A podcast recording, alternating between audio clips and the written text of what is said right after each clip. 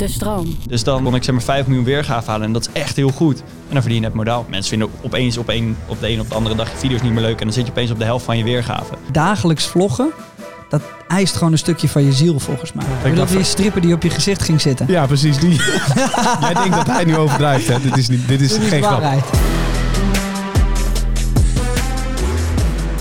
Zullen we beginnen? Eerlijk. Ja? Ik dacht dat dit het onderwerp van vandaag was. Nou, wij zijn officieel begonnen. We hebben het over onze honden. Ehm, omdat ik eh, weet dat Jordi zijn hond niet onder controle Ja, heeft. hier, nou gaat hij hiermee beginnen. Hè? Dat is Wat zo dan? mooi. Ah, jij- hebt die, hoe, hoe vaak heb jij je kak van je hond opgeruimd hier in dit land? Vandaag of in totaal? Nou, eh, vandaag. Niet alleen hier, maar ook bij je thuis en zo. Nou, vandaag vier keer. Hoe lang maar- heb je hem? Tweeënhalve maand. Maar Jaap is wel echt gewoon... Hij leert wel echt snel. Dus eerst Ja. was het acht keer.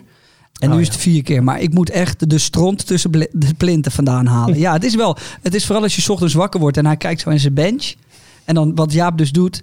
Als ik hem 's ochtends laat eh, wakker maak... dan heeft hij 100% in zijn bench gekakt. Want zo lang kan hij het nog niet ophouden. Wat hij dan doet, dan is hij zo blij om mij te zien 's ochtends. En dan springt hij door die bench heen. Maar dan neemt hij dus ook al die kak mee. Dus hij staat gewoon in die, in die bench te springen. En dan zit hij helemaal onder de kak. En dan word je half zeven 's ochtends of net iets later. En dan kijk ik en dan krijg ik een paniekaanval. Want ik sta daar zo in mijn boxershorts. En dan wil ik hem eigenlijk pakken om hem schoon te maken. Maar dan kom je zelf ook onder de stroom te zitten. en dan denk je bij jezelf, shit, maar ik heb nog geen koffie gehad. Maar ik kan hem ook niet in die bench laten. Want mijn hele huis stinkt naar stront. Ja. Nou, dat overkomt me nog wel eens één of twee keer per week. En dat is niet het allerbeste begin van En dan de dag. toch hier in de keuken staan tegen iedereen die hier is. Roepen dat ik mijn hond niet onder controle heb. Omdat ik hem... Ik had hem binnen vijf dagen had ik hem zindelijk. Ja, maar jouwe komt toch ook uit eh, Argentinië, ergens uit Nee, de Sloppenwijk. En heeft hij zelf eerst drie maanden rondgelopen en zichzelf opgevoed. Oh ja, Ja, ja, ja. Roemenië. En daar heeft hij zichzelf opgevoed. En toen he- is hij toch naar jou toegekomen. Ja, ja, ja, zo ongeveer, ja. Voordat we naar onze gast gaan, Boas, dat heb ik dan al maar een beetje verklapt. Nou, het staat ook Eh, wel in de titel. ja, want dus anders- wat dat betreft niet hele grote En anders zit hij er ook bij voor Chocomel. Even lekker zitten. Maar even, Jordi. Ja. eh, jij hebt toch ook een contract moeten tekenen voor je hond? Dat je hem niet terugbracht. En toen dacht je toch na twee weken... Dat is exact wat er gebeurd is. Zeker. Ja. Ik, ik heb een contract moeten tekenen. Want ik heb een, een hond geadopteerd in Eemnes. En zijn stichting die had ze dan met vier maanden naar Nederland toe. En daar moet je dan een, een contract tekenen dat je hem en niet doorfokt, zeg maar. En, eh, dat wil je ook niet met jouw hond. Zoveel. En, en dat je ook, eh, hoe heet dat? Een, eh, je kan hem binnen twee weken weer terugbrengen als het je echt niet lukt. Want dan kun je terugzien op dat contract. Ik heb dat na anderhalf week gedacht. Op dag Maar dat 13. weet jij zelf ook. Jij hebt ook die hond net. En in de eerste weken denk je echt, ik was hier toch op voorbereid. Ik dacht toch dat ik dit aankon. Maar je, je, wil, je, je- ja, je kan wel janken soms. Het was een hel. Je Het- denkt echt, waar. waar ben ik aan begonnen? En inmiddels heb ik hem nu Ja. twee jaar en gaat het allemaal top. Het was een hel. Bij mij echt. Dat ik, mijn hele leven heb ik erop aan moeten passen. Ja. Maar Jaap is het beste wat me is overkomen. Ik weet niet in hoe lang. ik ben even aan het nadenken, want het voelt nog steeds, steeds alsof ik af en toe in die hel zit, zoals jullie horen. Maar het begint nu wel echt te wennen. En ik kan nu niet meer zonder hem. Maar in het begin dacht ik wel, kan ik hem niet in een of andere trailer meegeven met iemand anders en dan heeft misschien niemand het in de gaten.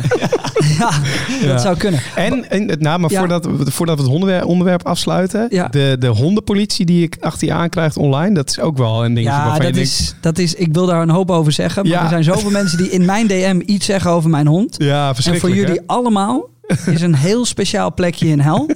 En het interesseert me echt geen ene fok wat jullie daarvan denken. Nee. Ik voed mijn hond op zoals ik dat wil. Ja. En iedereen die denkt dat hij daar wat over moet zeggen in mijn DM.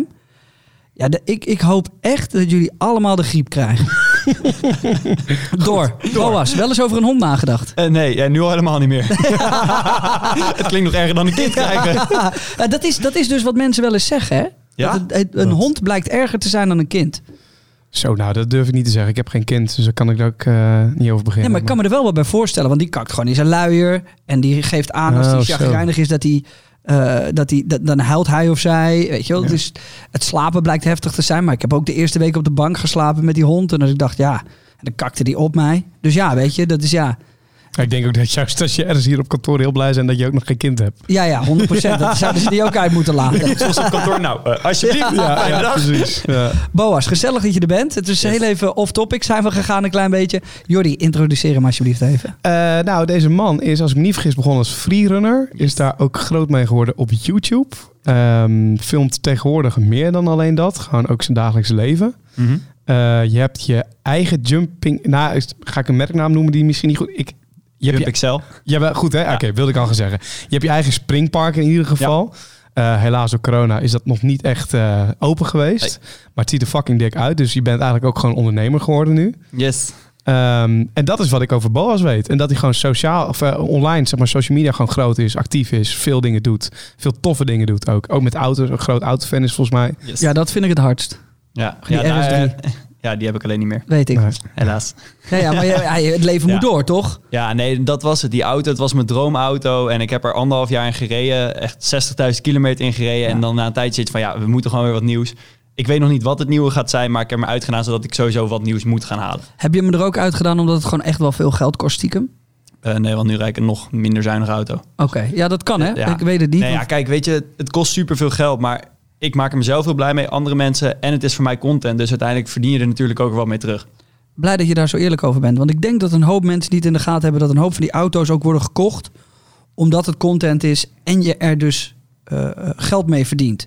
Elke keer als iemand een nieuwe auto koopt, dat betekent views. Dat betekent dat je weer wat over te praten hebt. Dat mensen wat over die auto willen weten. Wat ik trouwens zakelijk best wel slim vind. Ik zelf investeer in andere dingen. Niet direct in auto's. Omdat ja, ik ben iemand die wekelijks in andere auto's rijdt. Dus ik heb niet zo nodig de urgentie om een eigen dikke wagen te rijden als ik elke week in alles rij waar ik zelf. Nou, je rijdt best een dikke auto. Ja, ja, nee, ja, sowieso. Ja, nee, la- laten we dat, eh, die, die, de- alles, wat- dit is de- echt mijn auto. Dit is er eentje waar ik heel blij mee ben. Kia Stinger voor eh, de duidelijkheid. GT, rustig aan. Toch? Dankjewel, Maar het is GT. geen Ferrari, geen Lamborghini. Nee, En- dat. Weet je wel, dat is wat we ondertussen gewend zijn, hè? Ja, nou inderdaad, die lat die ligt eh, heel erg hoog. Toen ik mijn RS3 kocht, was dat eigenlijk bijna het dikste van Nederland. En Ja. nu eh, is iedereen gewoon eh Ja, het is niet normaal. finaal eroverheen gaan. Het is niet normaal. En ik hoop dat al deze jongens het financieel goed op orde hebben. Dat ze precies weten wat ze aan het doen zijn. Ehm, ik hoop niet dat ze een groot leaseplan hebben afgesloten. Want dat is echt het meest onverstandig wat je met een auto kan doen. En ik hoop dat ze aan de achterkant echt dingen goed voor elkaar hebben. Want op zo'n auto loop je gewoon echt leeg. Ehm, en ik denk als je jong bent, dan heb je dat nog niet echt goed in de gaten. Maar als ik zie wat deze jongens ondertussen allemaal verdienen, dan zullen ze ondertussen ook wel eh, eh, een beetje een idee hebben en een goed financieel advies hebben ingewonnen, hoop ik. Hè, Ja, weet jij nou ja, van? kijk, ik spreek ze natuurlijk allemaal Ja. regelmatig. En het zijn geen domme keuzes die ze hebben gemaakt. Nee, toch? En eh, nou, zoals Gio, weet ik dan, die heeft er heel erg over nagedacht. Van, hey, moet ik een normale of een speciale nemen? Maar qua waardevastheid is speciale dan weer beter. Dus daarom is hij daarvoor gegaan. Dus zo heb je zeg maar heel veel afwegingen die je misschien niet op beeld ziet altijd. Maar die wel achteraf worden gemaakt. Zeg maar achter het scherm worden gemaakt. Ja. Ehm, goed, daar gaan we zo meteen even over verder. Eh Jordi, we hebben iets nieuws hè, in de podcast. En ja, nieuws, het is relatief nieuw. Ja, jouw, jouw lijstje met vragen. Ik met heb drie vragen. Ik heb een lijstje met drie vragen. Oké. Ehm, dat zijn drie vragen die ik eh, dan eh, zit ik s'avonds op de bank en dan denk ik, nou, als ik morgen een podcast heb, wat zou ik dan van iemand willen weten? Ehm, en dat zijn deze drie dingen eigenlijk. Ehm, drie tips om te kijken waar jij iets van hebt geleerd of waar mensen beter van zouden kunnen worden. Jij als persoon. Dus dat kan zijn een Netflix-serie, dat kan zijn een serie op YouTube waar je hebt leren ondernemen, waar je je auto hebt gezien waarvan je dacht, oh, daar wil ik, dat soort auto wil ik. Of ja, I don't know, misschien eh eh, free, eh, free jump, nee, free, Free running. free running. Goed sorry. ingelezen zie ik al. Wauw, free running. Free jumping. Ik zat met zijn jumping. Jij zei, ja, oké, jullie snappen het. Eh free running, dingen die je hebt gezien waarvan je dacht, hé, hey, Ja. dat is iets vet. Ja, het stomme is, ik kijk dus echt nu al helemaal de afgelopen drie jaar eigenlijk helemaal niks meer. En ehm, het meeste wat ik doe is gewoon proberen en hopen dat het goed gaat. Ja, Ehm, tot nu toe redelijk veel geluk daarmee gehad. Maar ik heb vroeger zoveel op YouTube gewoon rondgekeken qua auto's bouwen toen ik dat wilde doen. Of een YouTube kanaal starten. ehm, qua editen van Photoshop naar video's bewerken. Ik heb dat allemaal online geleerd. En dan zijn van die YouTube tutorials zijn echt goud gewoon. ja hè? Ja. ik heb dat dus ook. Ik heb ook heel veel gewoon uit YouTube tutorials gehaald. Het is heb- heel gek. Voordat ik begon met YouTube heb ik denk ik twee jaar lang gewoon video's gemaakt. Alleen maar elke dag tien YouTube tutorials gekeken. Ging ik een video opnemen, ging dat erin verwerken en dan na die video weggooid. Maar dan kon ik het. En dat heb Ja. ik gewoon twee jaar lang gedaan. En toen ik dan begon met YouTube, wist ik gewoon eigenlijk de hele basis. Wist ik waar de effecten zaten, wist ik hoe het werkte. En dan hoef je dat niet meer allemaal tegelijk te doen. Dan kan je echt puur op je content gaan focussen. Heb je ook geen favoriete YouTubers waar je dan naar kijkt? Waarvan je denkt, nou, dat vind ik eigenlijk wel vet. Nou, het was David Dobrik, maar... Ja. En hij is gestopt en, eh, en daar is allemaal heisa omheen. Dus Ja. ja, ja dat, eh, die is een beetje eruit. Ja. En dat dat- that's it voor de rest niemand... eh, Ja, nee, voor de rest, ik kijk af en toe wat in mijn recommended komt. En eh, niet echt iemand die, waarvan ik elke dag zit van... oh, het is eh, nu vier uur, Nee, de video komt niet. online. Heb jij dat wel, Jordi? Ehm, nou, ik vind Joen Olsen vind ik heel vet om te volgen. Nu ook Ehm, nog steeds? Ja, nu ook nog steeds. Ja? Ondanks dat het niet heel vaak online komt. Tenminste, heb ik een schandaal over Joen Olsen gemist. Nee, ik, nou ja, ik heb meer... Ik heb zijn eerste seizoen vlogs heb ik echt gewoon die hard gevolgd. Dat vond ik zo Ja, ik ook. Zeker. Maar nu die kids heeft, nu die allemaal wat rustig aan doet, zijn heel veel vlogs zijn gewoon een kwartier lang dat hij zichzelf filmt en wat aan het vertellen is. Terwijl Ja. normaal was het triple salto's met skiën, gekke auto's op de piste, weet ik veel wat allemaal. Nee, dat, dat, dat klopt wat jij zegt. Ik vind het ook minder heel erg boeiend als dat ik het toen vond. Maar wat ik wel vet aan hem vind, is dat het ondernemen bij hem nu wel wat meer naar, naar buiten Ja. komt. Zeg maar, dat je dat ook wat ziet. Kijk, ik, ik heb nu zijn schoenen aan. Het is normaal is dat een bedrijf van hem. En ik heb die gekocht, niet omdat ik per se fan ben van Joen Olsen, maar wel omdat ik, ik weet dat hij zo pietje precies is met dingen. Dat als hij een schoen bedenkt en maakt, dan ben ik bereid om daar geld voor te betalen. Omdat ik van tevoren al het gevoel heb dat het goed zit, zeg maar. Ja, heb ik hetzelfde. Ik heb al zijn tassen ongeveer. Ja, die douchebag. Het enige Ja. wat ik Ja. qua tassen gebruik is douchebag. Omdat Ik heb zo'n tas gehad, twee jaar lang ongeveer de hele wereld over gereisd. Gewoon nog eens nieuw. Die dingen die zijn zulke goede kwaliteit. Ja. Hoe hard geïnfluenced zijn wij, hè? Ja. Want ik heb het ook, ja. Ja, maar dat, dat, en dat, is, dat vind ik gewoon zijn visie op dingen vind ik heel vet. Nou, Casey Neistat heb ik heel lang gehad. Dat heb ik de laatste tijd ook wat minder, omdat hij zelf ook wat minder content maakt. Je ziet dat ze allemaal afbreken. hè? Ja. Ja, en maar dat is, ook wel, dat is ook wel logisch, toch, denk ik? Want, want als jij zoveel daarmee bezig bent, dan komen er gewoon op een gegeven moment dingen op jouw pad die misschien wel veel interessanter zijn om te gaan doen Ja, dan... of, het is ook, En familie. ja, en familie, dat is uiteraard. vrienden, Ja. druk. Eh, er wordt zoveel van je verwacht. En mensen maken meestal Ja. dingen zelf. Dat wat wij hier in team hebben zitten, dat is echt met een beetje mazzel. Maar ik bedoel, er zijn ook een hoop mensen die gewoon geen team hebben. En natuurlijk zijn dit hele grote jongens die het allemaal wel kunnen. Maar het dagelijks, en dat, daar zijn ze allemaal Ja. stuk aan gegaan. Het dagelijks vloggen, eist gewoon een stukje van je ziel volgens mij. Ja. Daarom, daarom- En, en wat ik het vette vond bij een Casey Neistat is ook dat hij wel een van de eerste is geweest die echt een soort van filmische vlogs maakt, weet je wel, waarbij die ja, heel hard. een camera ergens neerzetten, daar voorbij ging lopen, camera weer weghaalde, om maar gewoon shotjes te maken van hoe hij Ja. onderweg was. En eh, dat is sowieso een tip om te kijken, want misschien zijn er tegenwoordig steeds meer mensen, minder mensen die Casey kennen. Maar check zijn video's eens terug, want hij is zo'n goede motivational eh, speaker. En, en hij heeft zoveel goede, goede verhalen en zoveel goede dingen die hij uitspreekt in zijn afgelopen video's. Wel een goede tip. Ja. Uit. Ah, nee. Lekker Jordi? Ja. Oké, volgende vraag. Jordi heeft hem even van je overgenomen. Graag met liefde. Gaan we. Ehm, vertel ons iets over jezelf wat niemand nog weet. Of vertel iets unieks. Of misschien heb je een scoop. Eh, ja, dat is een hele goeie. Ja, ik vlog dagelijks, dus je deelt al zoveel. En Ja. ik doe eigenlijk ook niks heel geks of zo wat ik moet verbergen. Wat wordt je nieuwe auto? Dat weet ik dus oprecht nog niet. Kut. Ja. Nee, niet? ja, en ik had dus een nieuwe kleur die op al mijn auto's ging komen. Want ik ben dus twee auto's aan het bouwen en dan mijn volgende auto die ik ging kopen. En die was ik geheim aan het houden, maar vandaag heb ik steenpierschaar verloren en mag ik die kleur niet meer gebruiken.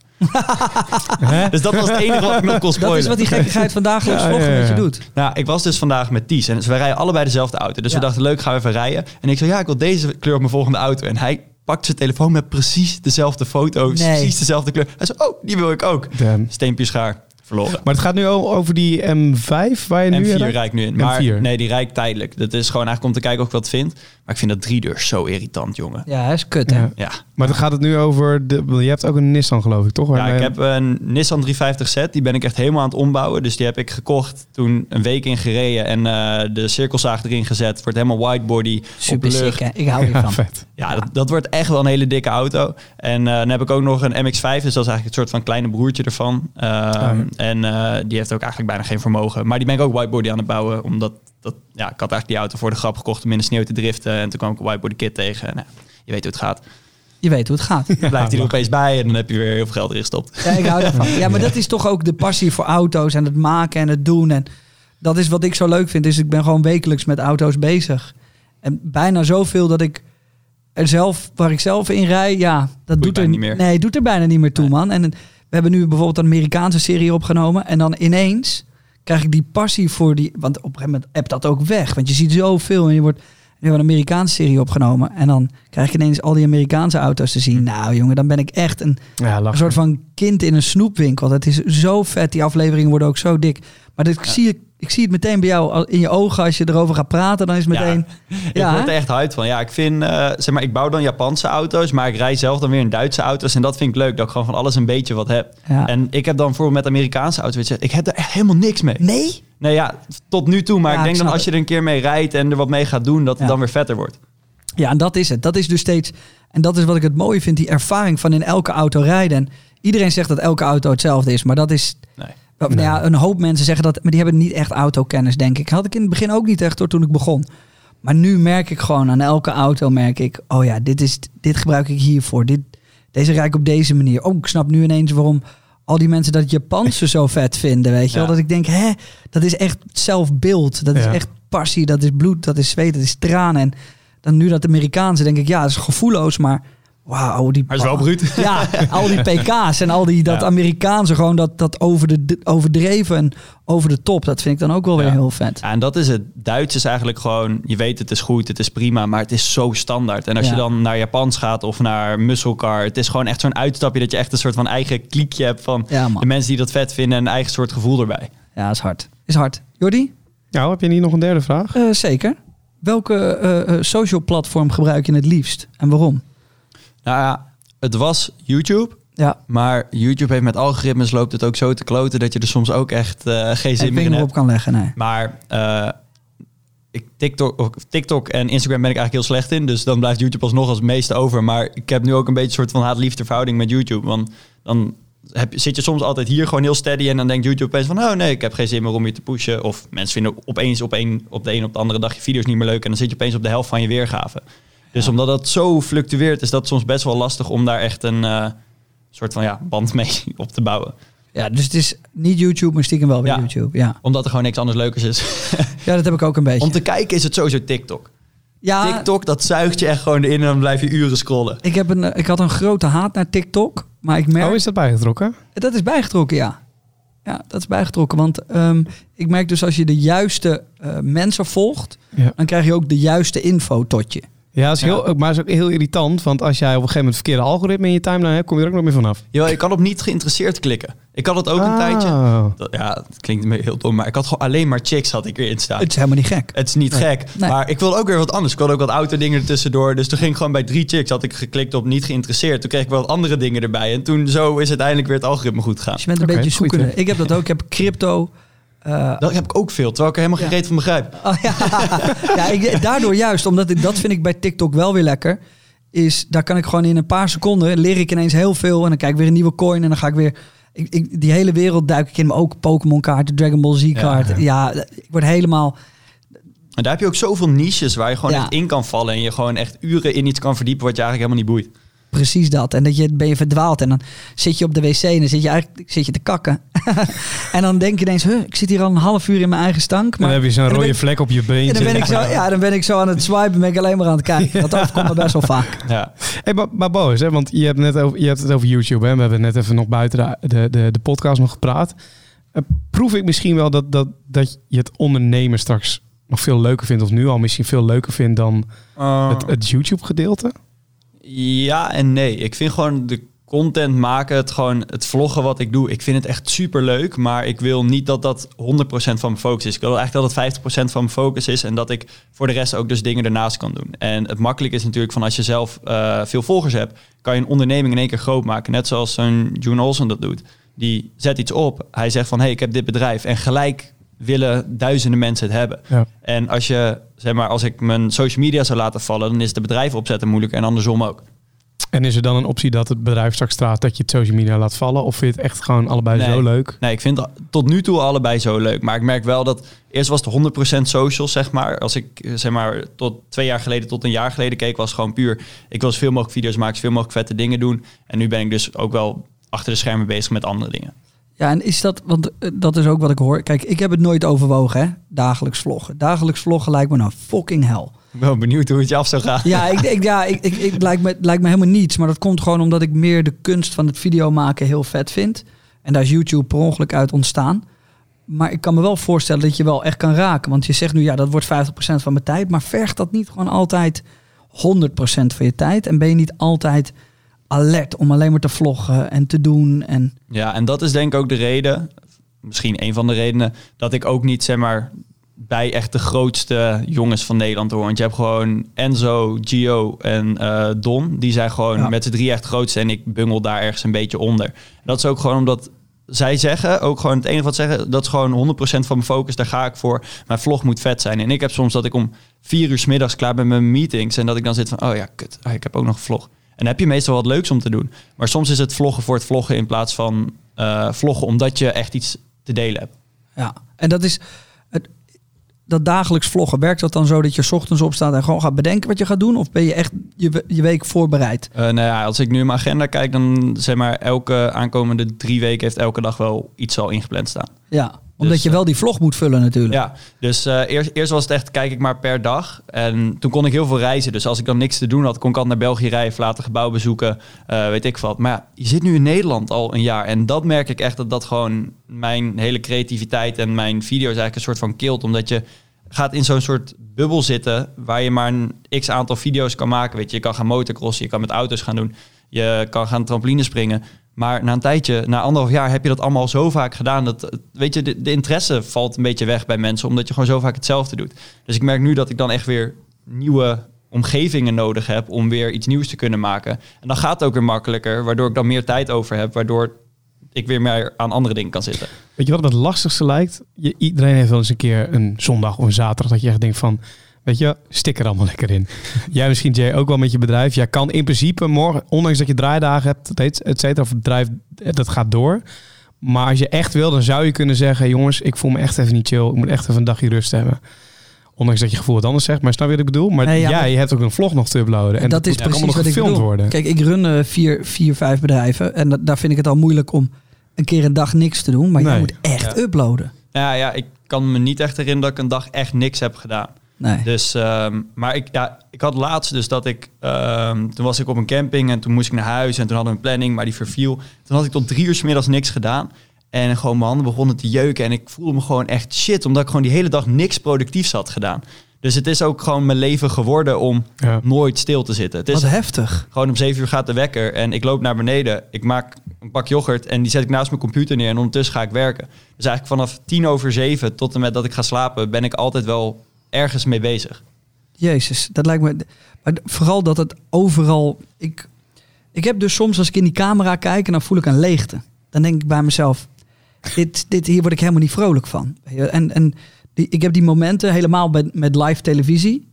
Dan ineens gaat die, gaan die lichten gaan aan, camera aan. En als ik dan vooral met het MMA, daar sta ik ook nog in een groot stadion met duizenden mensen om me heen. Camera aan, boom. En dan kijk ik in die camera en dan denk ik: dit is gewoon een camera. Waar ben ik tegen aan het praten? En dat lijkt me als vlogger dus ook. Je hebt natuurlijk niet in een stadion, maar wel gewoon af en toe pak je die camera en dan denk je: ik ben in een fucking camera aan het praten. Wat ben ik aan het doen? Heb je dat niet? Nee, Goed nee, zo. ik- nou, ja. door dan. Echt simpel voor. Ik denk er Ja. niet over Nee. na. Gewoon dit doe ik en dan Ja. doe ik het punt. En dan, eh, ja, misschien doe ik het ook allemaal net iets te lang. Dat om, om, want ik had Ja. het in het begin ook helemaal niet. nou ik denk ja. dat het ook wel in een mens zit of zo, als je dat eerder hebt of niet. Als ik, als ik Boas zo hoor, dan gaat hij dat nooit hebben op die manier, denk ik. Nou ja, ik denk ook dat, en dat is misschien heel raar wat ik nu ga zeggen. En dat bedoel ik helemaal niet zo. Maar ik denk dat je als dagelijkse vlogger ook een beetje op jezelf moet geilen om, om, om, eh, om dat te kunnen doen de hele dag. Je brengt het ook wel lekker. Nee, ja, je moet ja, jezelf- ja, ik, ik snap wat je bedoelt. Je moet jezelf wel, je moet je wel de hele tijd naar jezelf kunnen kijken. Hè? Want je moet het en editen, en Ja. maken, en doen. Dus je moet niet Ja. gek worden van jezelf. Terwijl ik kan echt af en toe naar mezelf kijken en denken... ik ben deze guy helemaal zat. Ik ben hem helemaal zat. Ja, Ja, nou, ik heb vooral dat ik echt gewoon niet meer care over hoe ik op beeld sta. Eh, mijn haar hoeft niet te zitten. Of Ik kan nog tandpasta hier hebben zitten. I don't fucking care. ja. Weet je, maar dat is ook gewoon het leven, dus dat deel je ook gewoon. En dat maakt het ook wel een stuk makkelijker. Dat je dus niet op jezelf te gaan. Dus niet elke keer je haar even netjes moet doen en weet ik veel wat. Je zet gewoon die camera aan, je, je zegt even wat en je doet hem weer uit. En je gaat weer verder met je leven. Ben, ben jij er heel erg mee bezig wat, wat andere mensen nog steeds van vloggers vinden, bijvoorbeeld? Je, doet het, je vindt het vet en eigenlijk, je, hoeft daar ook helemaal niet mee bezig te zijn. Maar als je nu zo praat en hoort, dan zijn mensen die er al niet van overtuigd waren, misschien nu eindelijk een keer overtuigd van het feit dat het gewoon zwaar werk is. Eh, nou, dat is altijd wel een lastige. Want vlogger zal altijd zijn... oh, hij pakt even zijn camera erbij en daar verdient zijn geld mee. En dat vinden ze altijd belachelijk veel geld en te veel geld. Ehm, dus dat voordeel krijg je altijd en dat zal je altijd wel houden. Maar daar ben je na een tijdje ook zo erg aan gewend. Dat je zit van, nou, prima, dan denk je dat gaan we verder met ons leven. Goedjes. En heb jij nu bijvoorbeeld een... Oh, een- oh, oh, oh. Wat verdient de gemiddelde goede vlogger dagelijks eh, of maandelijks aan een dagelijkse vlog? Ik heb geen Ja. idee namelijk. Nou ja, het, het verschilt heel erg. Ik heb wel eens, zeg maar, je hebt dan CPM natuurlijk. Ja, ja. Dus dat betekent dat je dan per duizend weergaven krijg je een euro. En Drie- ik drie, had een vier tijdje... euro's. Zoiets toch? Nou, wat was dat maar zo'n feest? Ja? Oh. Ik heb een tijd op 60 cent gezeten. Nee. Ja, dus dan eh, kon ik zeg maar 5 miljoen weergaven halen. En dat is echt heel goed. En dan verdien je net modaal. Wauw. En, En verschilt dit heel erg dan wat, wat Day One met een YouTube-video pakt qua CPM? Ja. ja, als ik kijk wel ja. Helemaal als het over, finan- eh, over financiën gaat, dan gaat het CPM omhoog. Eh, en we hebben natuurlijk een oudere doelgroep. Maar ehm, wij verdienen geen maandsalaris. Want we doen maar vier filmpjes per maand natuurlijk. Dus ja. bij ons valt het tegen. Dus Ja, kijk, en dat daar moet ik het ook niet van hebben. Je- ik heb dan elke dag heb ik 100, 150.000 weergaven. Dus Ja. dat is dan... Het telt gewoon veel lekkerder op. Maar ik verdien dus wel zeg maar, per weergave eigenlijk maar een kwart van wat jij zou doen. Ja. Dus misschien dagelijks vloggen en dan... eh, Ja, ja. dan ergens mijn ziel ondertussen een stukje verliezen, denk ik. Ja, dat lijkt me zo dan kan je wel weer een nieuwe auto kopen. Ja, ja, ja, ja, maar hoe, wat, wat, wat moet ik dan? Is dat dan tussen de, tussen de 1500 en, en 10.000 euro? Dollar? Ja, nou ja, super simpel. Reken het uit. Een euro per duizend views. Dat is denk ik wat een gemiddelde Ja. vlogger haalt. Of tenminste wat ik ongeveer haal. Ja, dat is wel, eh, als je dat dagelijks doet, is dat, kan je er wel redelijk van leven. Ja, en het makkelijke is, kijk, een vlogger, de meeste vloggers zijn gewoon in hun eentje. Dus je hoeft het niet te delen. Je hoeft alleen de belastingdienst een deel te geven en that's it. Wat ook tering veel is tegenwoordig, maar Ja. oké. Ja, maar, maar, maar, daar, maar daar wilde ik naartoe. Want ehm, jij zegt nu de meeste vloggers in je eentje. Op een gegeven moment kom je misschien op een punt dat je een editor inhuurt. Omdat je erachter komt van fuck, dit is wel heel veel werk allemaal tegelijkertijd. Eh, je komt op een punt misschien dat er deals op je afkomen. Waarvan je denkt van ja, dat bedrijf dat biedt mij eigenlijk dat geld. Maar misschien kan ik er wel meer uithalen. Of misschien moet ik er anders mee omgaan. Ja. Heb jij zo'n team om je heen? Ja, nou ja, ik heb eh, één personal assistant nu eh, sinds twee, drie maanden. Dus die is gewoon eigenlijk vijf dagen per week. Wat stiekem een beetje zeven altijd wordt. Omdat ik altijd nooit door heb dat het weekend is. En dan stuur ik hem alsnog apps. Nee, wil je dit even regelen? Ja, ja. Maar ehm, Hij haat jou. Ja, ja, dat is super fijn. Dat is dus eigenlijk een soort oldschool vriend waarmee ik ben begonnen met freerunnen. Dus die heeft ook mijn hele YouTube zien groeien. Sick. Toen was ik goed bevriend met hem. Drie jaar bijna geen contact gehad. En eh, hij werkt in een bar en eh, hij zei nu van ja, ik heb niet zoveel te doen. Kan ik je een keer helpen met de verbouwing? Want ik zag dat je een nieuw pand hebt. En eh, toen eigenlijk van het een kwam het ander en eh, nu werkt hij eigenlijk fulltime voor me. Leuk. Ja. Maar dan heb ik ook nog een editor. Eh, dan heb ik nog zeg maar Talpa, daar zit gewoon mijn YouTube getekend. En dan heb ik nog Scoopers en die doen dus echt die brand deals en weet ik wat. Oh, ja. Dus er is echt best wel veel uit handen gegeven. Maar toch, alles moet ik weer een oké opgeven. Dus als er een branddeal is, dan eh, ze willen deze uitingen, deze prijs, eh, dit zo, moet je het weer aanleveren. Stiekem ben je altijd als YouTuber ook gewoon ondernemer, hè? Ja, ja, Ja, altijd. niet stiekem toch? Gewoon, ja. Nou ja, dat Nou, denk veel ik niet mensen zien het niet hoor. Nee. Veel mensen denken echt alleen, je filmt 20 minuten per dag. Dat doe je gewoon zo en dan zit het aan elkaar vast en dat gooi je online. Maar ja, ik film meestal anderhalf uur en daar, daar wil ik tussen de 10 en de 15 minuten van. Dus dan edit ik hem, dan is hij 24 minuten. Dan ga ik er nog een keer doorheen. Dan is hij 20 minuten, ga ik er nog een keer doorheen. is 17 minuten. Om gewoon alle bullshit eigenlijk eruit te halen wat niet per se versterkend is voor het verhaal. En heb je dan ook wel eens dat bijvoorbeeld, eh, weet ik veel, Coca-Cola komt naar je management toe of naar het, het- Oh, geen eh, merken noemen. of Monster of Red Bull of Day One. Whatever. Komt naar jou toe, zegt, eh, ah, we willen met hem samenwerken. Nou, dat voorstel krijg je op tafel. En denk je dan ook wel eens bijvoorbeeld, mm, nee, gaan we niet Ja. doen. Vind ik niet ik tof, heb met niet vet. eh, mijn management eigenlijk afgesproken. Hebben we gewoon heel vaak gesprek over gehad van hey, wat vind je wel leuk, wat vind je niet leuk. Dus eh, ik zit dan, zij doen de mailbox, maar ik kijk er wel eens in mee. En dan is eigenlijk, zeg maar, de helft wordt al, nee, geen match, doei. Nee. Dus dat wordt eigenlijk gelijk al weggeschreven. Dan, ehm, ik ben een vlogger, dus het, meeste kan je er altijd wel in fietsen. Weet je wel, als je een breker moet drinken of een cola, Fanta, ga ik even nog heel veel merken opnoemen. nee, maar dan, dat is er super makkelijk in te fietsen. Of eh, ja, ik heb een eh, nieuw geurhanger in mijn auto, weet ik wat. Dus het is voor mij altijd, altijd eigenlijk, kan ik alles wel doen. Ja. Dus eh, nou, een voorbeeld met mijn bril. Ik had een campagne voor een bril. ehm, en ik moest eigenlijk een nieuwe bril. Zei ik, oh prima, doen we de campagne wel. Maar dan wil ik ook een nieuwe bril erbij. Top, oké, fiets ik het erin. Want ik moest toch een nieuwe bril. Dus dan is het super makkelijk. Dus daardoor ja, kan je Ik denk dat het zo wel het beste werkt. Ja. Dus dat als het echt bij je past en het goed voelt. Dus je hebt een nieuwe bril nodig, je vindt hem vet en ze willen je nog een beetje centen geven en een gratis bril. Dan moet je dat altijd doen. Ja. Want ik denk dat dat soort dingen juist goed voelen. Heb je ook wel eens een campagne gedaan waarvan je dacht, eh, had ik niet moeten doen?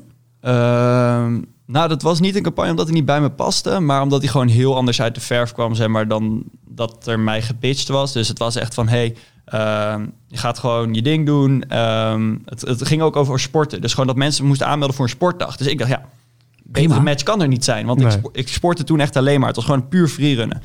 En eh, nou, dat was het. Ik moest alleen zeggen van, hey, meld je aan voor een sportdag. Ging ik sport proberen, ging mijn eigen sport doen. That's it. En uiteindelijk kwamen ze aan met draaiboeken, scripten, weet ik wat. Ik zei, heel leuk, maar dat is niet hoe het is. En dat heb ik ook niet getekend.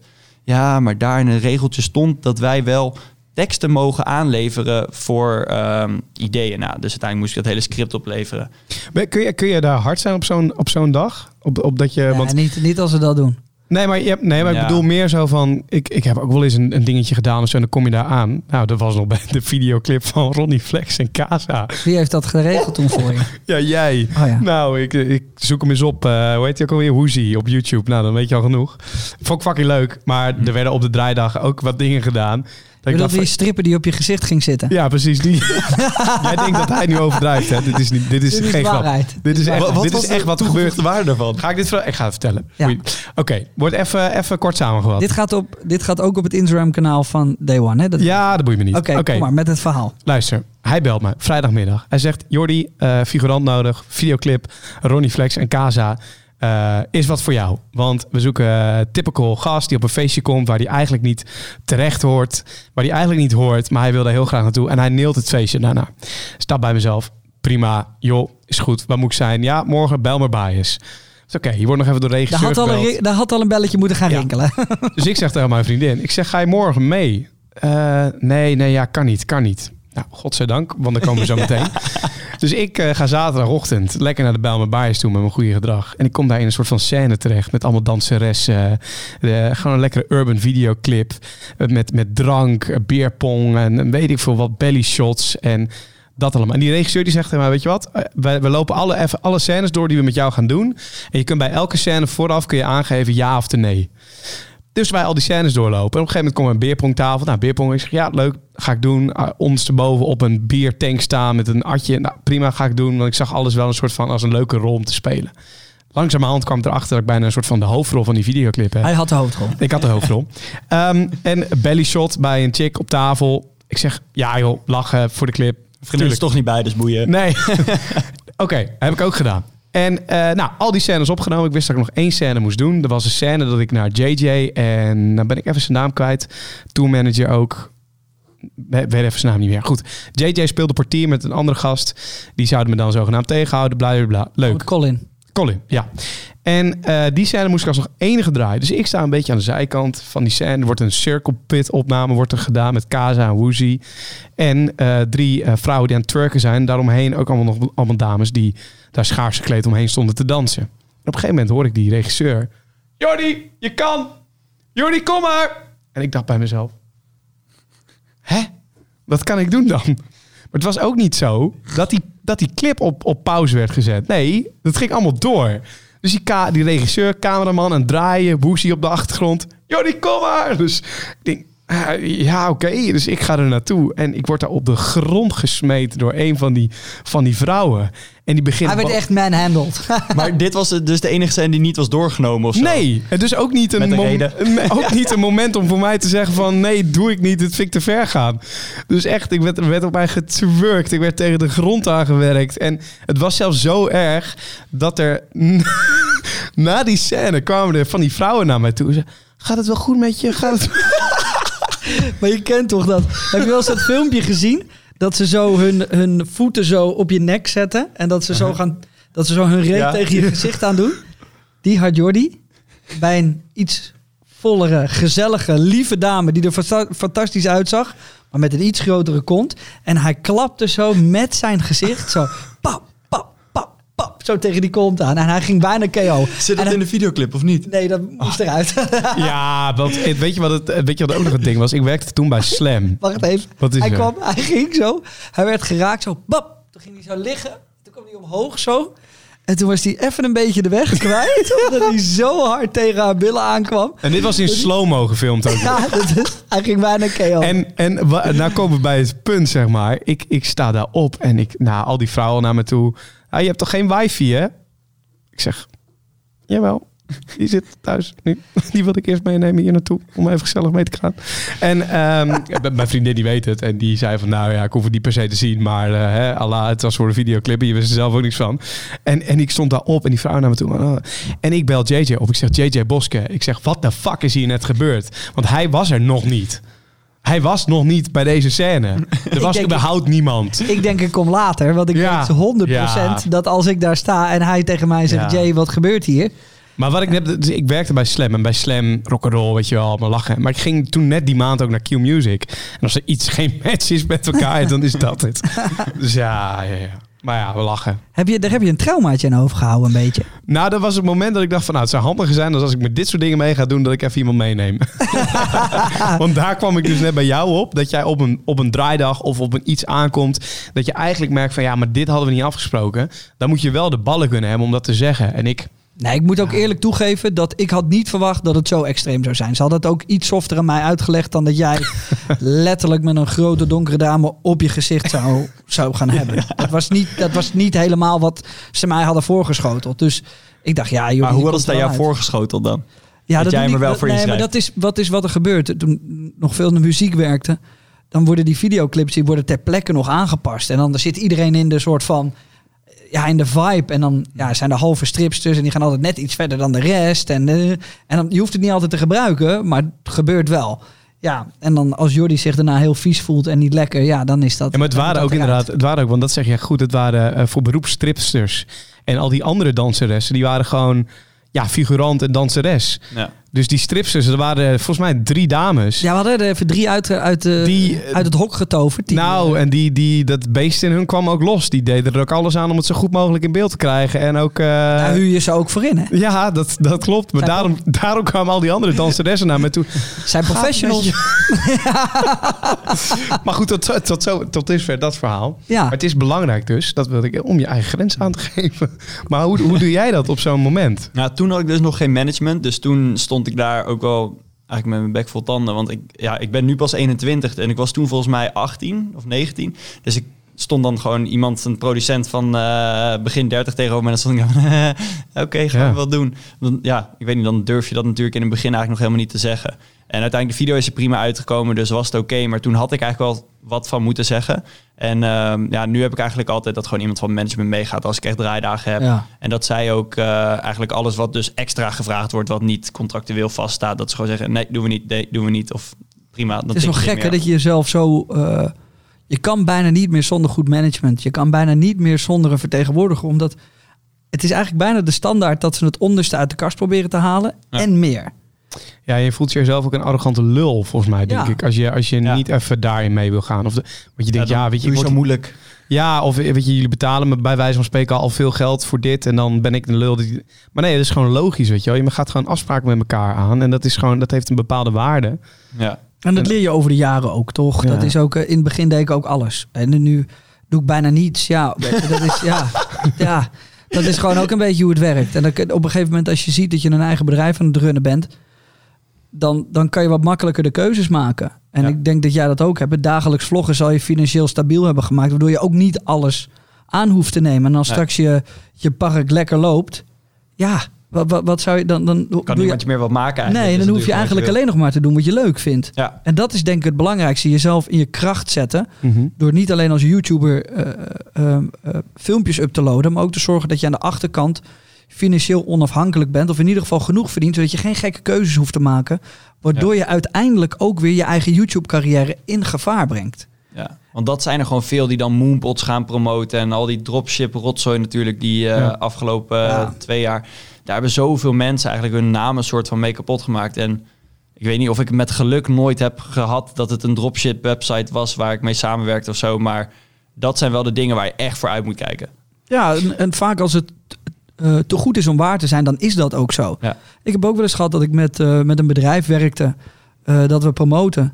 En ehm, dan liep het niet helemaal soepel, omdat op dat moment hadden ze net even hun dingen niet goed voor elkaar. Maar waren het wel pure professionals en waren ze wel heel goed in wat ze deden. Kijk, dat kan ook gebeuren. Ja. Weet je, dat het soms, dat je zoiets promoot, dat het zo hard gaat dat het bedrijf het niet aan kan. Dan lijken ze onprofessioneel of niet ready. dan hebben ze eigenlijk voor hun doen best wel heel erg veel gedaan. En ja, doordat jij het zo gepromoot hebt, schiet het allemaal. De website schiet eruit. Of eh, eh, andere dingen. Er worden te veel transacties gedaan waardoor het niet goed gaat. Ja, dat kan ook.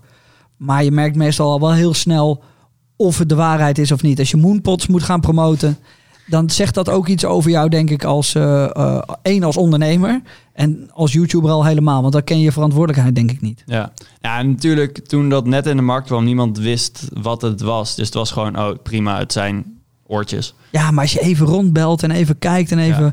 gaat opletten en het contract doorleest, dan weet je meestal echt wel of het Ja. wat is of niet. Ja, klopt. Ik heb meestal ook dat ik dan, dan vraag ik wie doen er nog meer mee. En dan weet ik eigenlijk bij de eerste twee namen al, gaan we niet doen. Want dat, is ook een speciaal groepje aan, aan YouTubers en bekende mensen die daaraan meedoet. Ja. En dan weet je eigenlijk al, nou, ik denk niet dat ik dit ga doen. En dat is ook niet nodig dan. En dan is het gewoon wachten. En dat is wat een hoop eh, YouTubers en bekende mensen natuurlijk hebben, is ze worden ongeduldig. Ze willen meer geld verdienen, ze willen te veel. Terwijl het is juist heel knap als je de stamina hebt om te geloven waar je voor staat en het vol te houden. En dan komt het echt. Ik zie dit nu bijvoorbeeld heel erg gebeuren op, eh, op Twitch. Is dat daar zit een, een heel nieuwe generatie. ehm, ja, hoe noem ik dat? Influencers of content creators. En dan hebben we het niet over de gevestigde namen die daar nu zitten, maar over de wat, wat, wat nieuwere namen die daar ook een, een following aan het opbouwen hebben. Die niet per se die following hebben op Instagram of TikTok.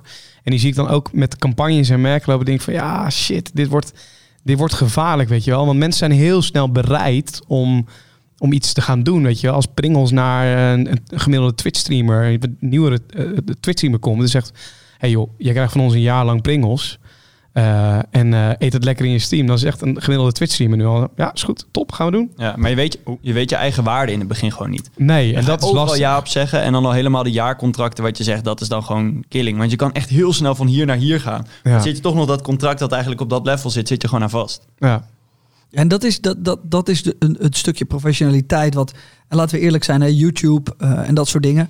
eh, en vooral het online ondernemen is nog best wel heel jong. Het is nog helemaal niet zo heel oud. Dus er zijn er nog een hoop die gewoon die fouten maken. Eh, de grote weten ondertussen wat ze aan het doen zijn. Maar er komt nog een hele sleur achteraan. Die gewoon niet heel goed weet wat ze waard zijn. En helemaal de nieuwe generatie. Die doet tegenwoordig voor eh, twee, twee gummiballen doen ze al drie vlogs uploaden. Weet je wel, en dat, dat is wel hoe het werkt. En op een gegeven moment kom je erachter dat je het niet voor die gummiballen moet doen. En misschien een halve vlog moet zijn of een mention. En daar kom je op een gegeven moment achter. Maar het is wel heel moeilijk omdat het nog zo jong is. De weg is nog niet helemaal, want ik merk het bij ons ook. Ik merk bij ons gewoon dat ik wil heel graag verder. Maar daar is de, de, de, ehm, de bedrijven en degene die ons inhuren om dingen te doen, die zijn daar ook nog niet aan toe. Want wij zijn meestal al verder in hoe we denken en hoe we dingen maken dan de bedrijven. Die komen meestal later. Ja, en zo zie je dat wij gewoon nu ineens bedrijven hebben die we eigenlijk vijf jaar geleden al hadden moeten, moeten hebben. Maar die zijn er nu pas aan toe om met ons te werken. Terwijl vijf jaar geleden had het al gekund, maar toen gaven ze het nog uit aan, aan radioreclames en aan televisie. En voor, voor 80 keer zoveel geld met veel minder eh, impact. En nu zie je dat die heel rustig deze kant op komen. En nu moet je zorgen dat je voor blijft lopen. Dus dat je ook zorgt dat je op de juiste kanalen te zien bent. Want dat vind ik bijvoorbeeld ook belangrijk. Ik wil niet overal te zien zijn. Maar ik wil wel goede partnerships hebben met mooie platformen. Ja. Ik heb bijvoorbeeld heel veel moeite met YouTube, zoals jij ook. Ehm, wel wat minder nu, nu ik wel beter contact met ze heb. Dus we kunnen nu rechtstreeks met wat personen praten bij YouTube die ons zouden kunnen helpen als we dat zouden willen. En dat heb ik gewoon nog steeds niet, hè? Nee, Ik, ja, dat is gek hè? ik ken één naam van iemand die bij YouTube werkt, maar ik heb niet eens een e-mail of een telefoonnummer of iets. nee. En ik denk van eigenlijk is dat best vanuit YouTube ook voor hun profijtelijk als je gewoon met de grootste mensen gewoon goed contact hebt. Weet je wat ik daar bizar aan vond? Het hele gebeuren rondom eh Quinn, Uber Quinn op YouTube. Mhm. dat zijn YouTube-account werd gehackt door eh, weet ik veel wat voor crypto-website. Die daar gewoon dagen, nou twee, drie dagen gewoon minimaal volgens mij wel livestreams heeft gedaan. Al zijn content op privé had gezet. Dus zijn kanaal was gewoon niet meer van hem. En als ik dan zie dat, dat een creator met zoveel abonnees, met zoveel following, zo ontzettend moeilijk in contact komt met een YouTube blijkbaar, dat het dagen duurt voordat hij zijn account terug heeft. Dat zou echt dit moeten zijn. Ja, dat is dat vond Ik ik, heb zo niet meegekregen. Ja, hij heeft, ik, denk, nou, ik, ik denk dat drie dagen nog weinig is. Volgens mij is het wel Ja. iets van vier dagen. Ja, het heeft zo. echt eh, x aantal dagen tienduizenden volgers er ook af. Omdat het heette dan, was een Ripple volgens mij of zo. Dat dan gewoon had alles veranderd. En die deed gewoon de hele tijd een livestream van koop onze coin of zo. Iets in de richting. Wow. Echt. Maar ja, Quinn die kon er ook niks aan doen, want hij kon niet zijn account meer in. Dus hij kon op zijn Instagram zeggen van... hey, kijk niet en neem je niks van aan. Maar iedereen gaat dan toch kijken. Ja, maar iedereen gaat toch kijken. En je krijgt het, een livestream krijg je altijd op YouTube heel erg groot te zien van, oh, die is aan het livestreamen. Ja. Dus je klikt er toch op van, huh, wa- waarom volg ik dit? Ja, dus, ja, dus Hoe heeft hij dat opgelost? Ja, mij even volgens, moeten bellen. volgens mij heeft hij uiteindelijk ook contact gehad en gekregen. En is het opgelost met meerdere gegevens doorgeven. En Ja, als je contact wil, heb ik voor je. top. Ja. Wordt hij zo even gewoon... Nee, nee, maar dat is, kijk, wat Ja, ik weet, ja. ik heb het, luister, ik heb ook pas, ik ben, we zijn nu zes, zeven jaar bezig, echt volop, met twee jaar voorbereiding. En pas nu, sinds een maand, heb ik pas echt contact met de goede mensen. Ja. Dat ik echt kan bellen en kan zeggen, hé, hey, maar wat is hier aan de hand? En hé, hey, wat, wat moeten we doen? Waar moeten we heen? Wat vinden jullie van mijn content? Hoe pas ik in de strategie van YouTube? Maar dat, dat leggen ze je ook echt uit, hoe een algoritme werkt, hoe je daar goed in kan vallen. Nou, niet hoe een algoritme werkt, want dat vinden, weten ze zelf ook soms niet. Mhm. het is zo groot en zo meegaand dat het bijna niet te doen is. Maar ze weten wel dat wat jij maakt, of je in de goede richting zit en of je in een goede niche zit en of het eh, houdbaar is en eh, eh, wa- wat voor doelgroep echt tot in detail en of de doelgroep die jij denkt dat je hebt, dat dat ook echt de doelgroep is. En ja, het, het, levert best wat inzicht Ja. op. En ook of je titels goed zijn en of je thumbs goed werken. Al die click-through rates kunnen ze zien en al dat soort dingen. En dat kan je zelf ook wel checken. Maar het is lekker als je het zelf hebt gecheckt en van hun ook nog krijgt te horen of dat dan echt zo is. Ja, ik kijk daar echt nooit naar, moet ik zeggen. Nee, ik dus ook niet. ik dus ook niet. Totdat ik met hem in contact kwam. Ehm, en die zei, oh ja, dit doe je goed, dit doe je goed. Oh, dit doe je minder, dus daar moet je even aan werken. En dan ja. Ik zeg, nou, we doen best wel veel goed eigenlijk voor iets wat we gewoon eigenlijk nooit checken. Want je verzint het zelf allemaal. Ja, en je hebt, je hebt geen ding waar je naartoe moet werken. Je hebt geen antwoordboekje waar je kan afstrepen van dit heb ik goed gedaan, dit heb ik goed gedaan, Nee. dit heb ik goed gedaan. Nee, we hebben eh, elke week nog. eh, wekelijks hebben we gewoon nog. Ja, welke titel? En zitten we gewoon nog te denken. En dan ja, die titel. En dan werkt een titel niet te veranderen. Maar dan werkt die ineens beter. En dan denk je, nou, maar Ja. wat hebben we nou net gedaan? En wat, wat zeg je dan? En je wil niet dat alles op elkaar gaat lijken. En de tump, ja, soms is meer juist goed. En soms is minder juist goed. Ik, ah, I don't know. En dat is ook wel een beetje het enge toch, wat, wat, wat we nu over YouTube hebben. Maar dat geldt eigenlijk net zo goed voor Instagram. Als, als je met Instagram in contact wil komen, moet het ook Instagram allemaal via, via en dit en zus Ja. en zo. Facebook, precies hetzelfde. Ja, dezelfde Eh, partij, hè? Ja, precies. Eh, maar als je los naar die platformen kijkt en nou, TikTok hoor ik wat betere verhalen Ja, over. TikTok heeft nu wel, eh, wel wat mensen. Dus daar heb ik nu ook een uitleg gekregen van hoe zij dus geen algoritme hebben. Dat alles handmatig is. En, eh, en gewoon zeg maar een beetje hoe dat werkt. En dat ze mensen wel willen pushen als ze goed meedoen met de TikTok-trends en bla bla bla. Ja. Maar vanuit Instagram is dat bijvoorbeeld ook een super vaag iets. Ik heb geen vinkje op Instagram. Ik heb hem tien keer aangevraagd. Heb nooit überhaupt een reactie erop gehad. Je kan geen contact vinden met mensen. Maar er zijn zoveel accounts die mij nadoen. En dan wel gewoon onder mijn naam verder mogen gaan. Dan snap ik niet dat ze vanuit Instagram niet zeggen van... Hé, je krijgt hem niet omdat reden A, Ja, en, wat, B. en wat daar dubbele gewoon van is, is dat, dat ook jij draagt bij aan het succes van Instagram. Ja, En dat, dat, dat, doen, dat doen eigenlijk alle creators natuurlijk. Maar nul contact krijg je ermee. Ja. ja dat is gek. Hey, maar als we het over dat dagelijks vloggen weer praten, hè, over, over YouTube, het content maken. ehm, daar zit misschien een heel groot nadeel aan. En ik zag dat ook een paar keer bij jou gebeuren. Is dat jij bent gewoon ergens in een, in een huis. En buiten kun je eigenlijk niet de straat over. Want de hele straat staat vol met, met, Mhm. met jouw doelgroep, met de kinderen of de mensen die kijken. Ja. Hoe ga je daarmee om? En is dat, is dat voor jou soms een groot, groot ding? Nou, ik, eh, ik merk dat ik de laatste tijd er soms moeite mee ga krijgen. En dat is misschien omdat ik nu heel veel in Nederland ben. Normaal was ik nog wel veel in buitenland en dan merk je het natuurlijk helemaal niet, omdat ik alleen maar Nederlandse content maak. Maar ik merk nu soms dat ik geen zin heb om even een foto te maken, terwijl ik het echt nooit heb gehad. Nee. Dus dat vind ik wel jammer. Maar ja, dat komt misschien nu omdat je dus meer eh, mensen gewoon altijd bij hebt staan. Net zoals bij mijn park. We, we waren nog niet eens begonnen met bouwen. Mensen wisten alleen, dat is het pand. Er stond nog niks in. En er stond gewoon standaard 30, 40 man voor de deur. Ook al was ik er niet. En dan kwam ik aanrijden. Was ik eerst een half uur bezig met foto's maken, praatjes maken, bla bla.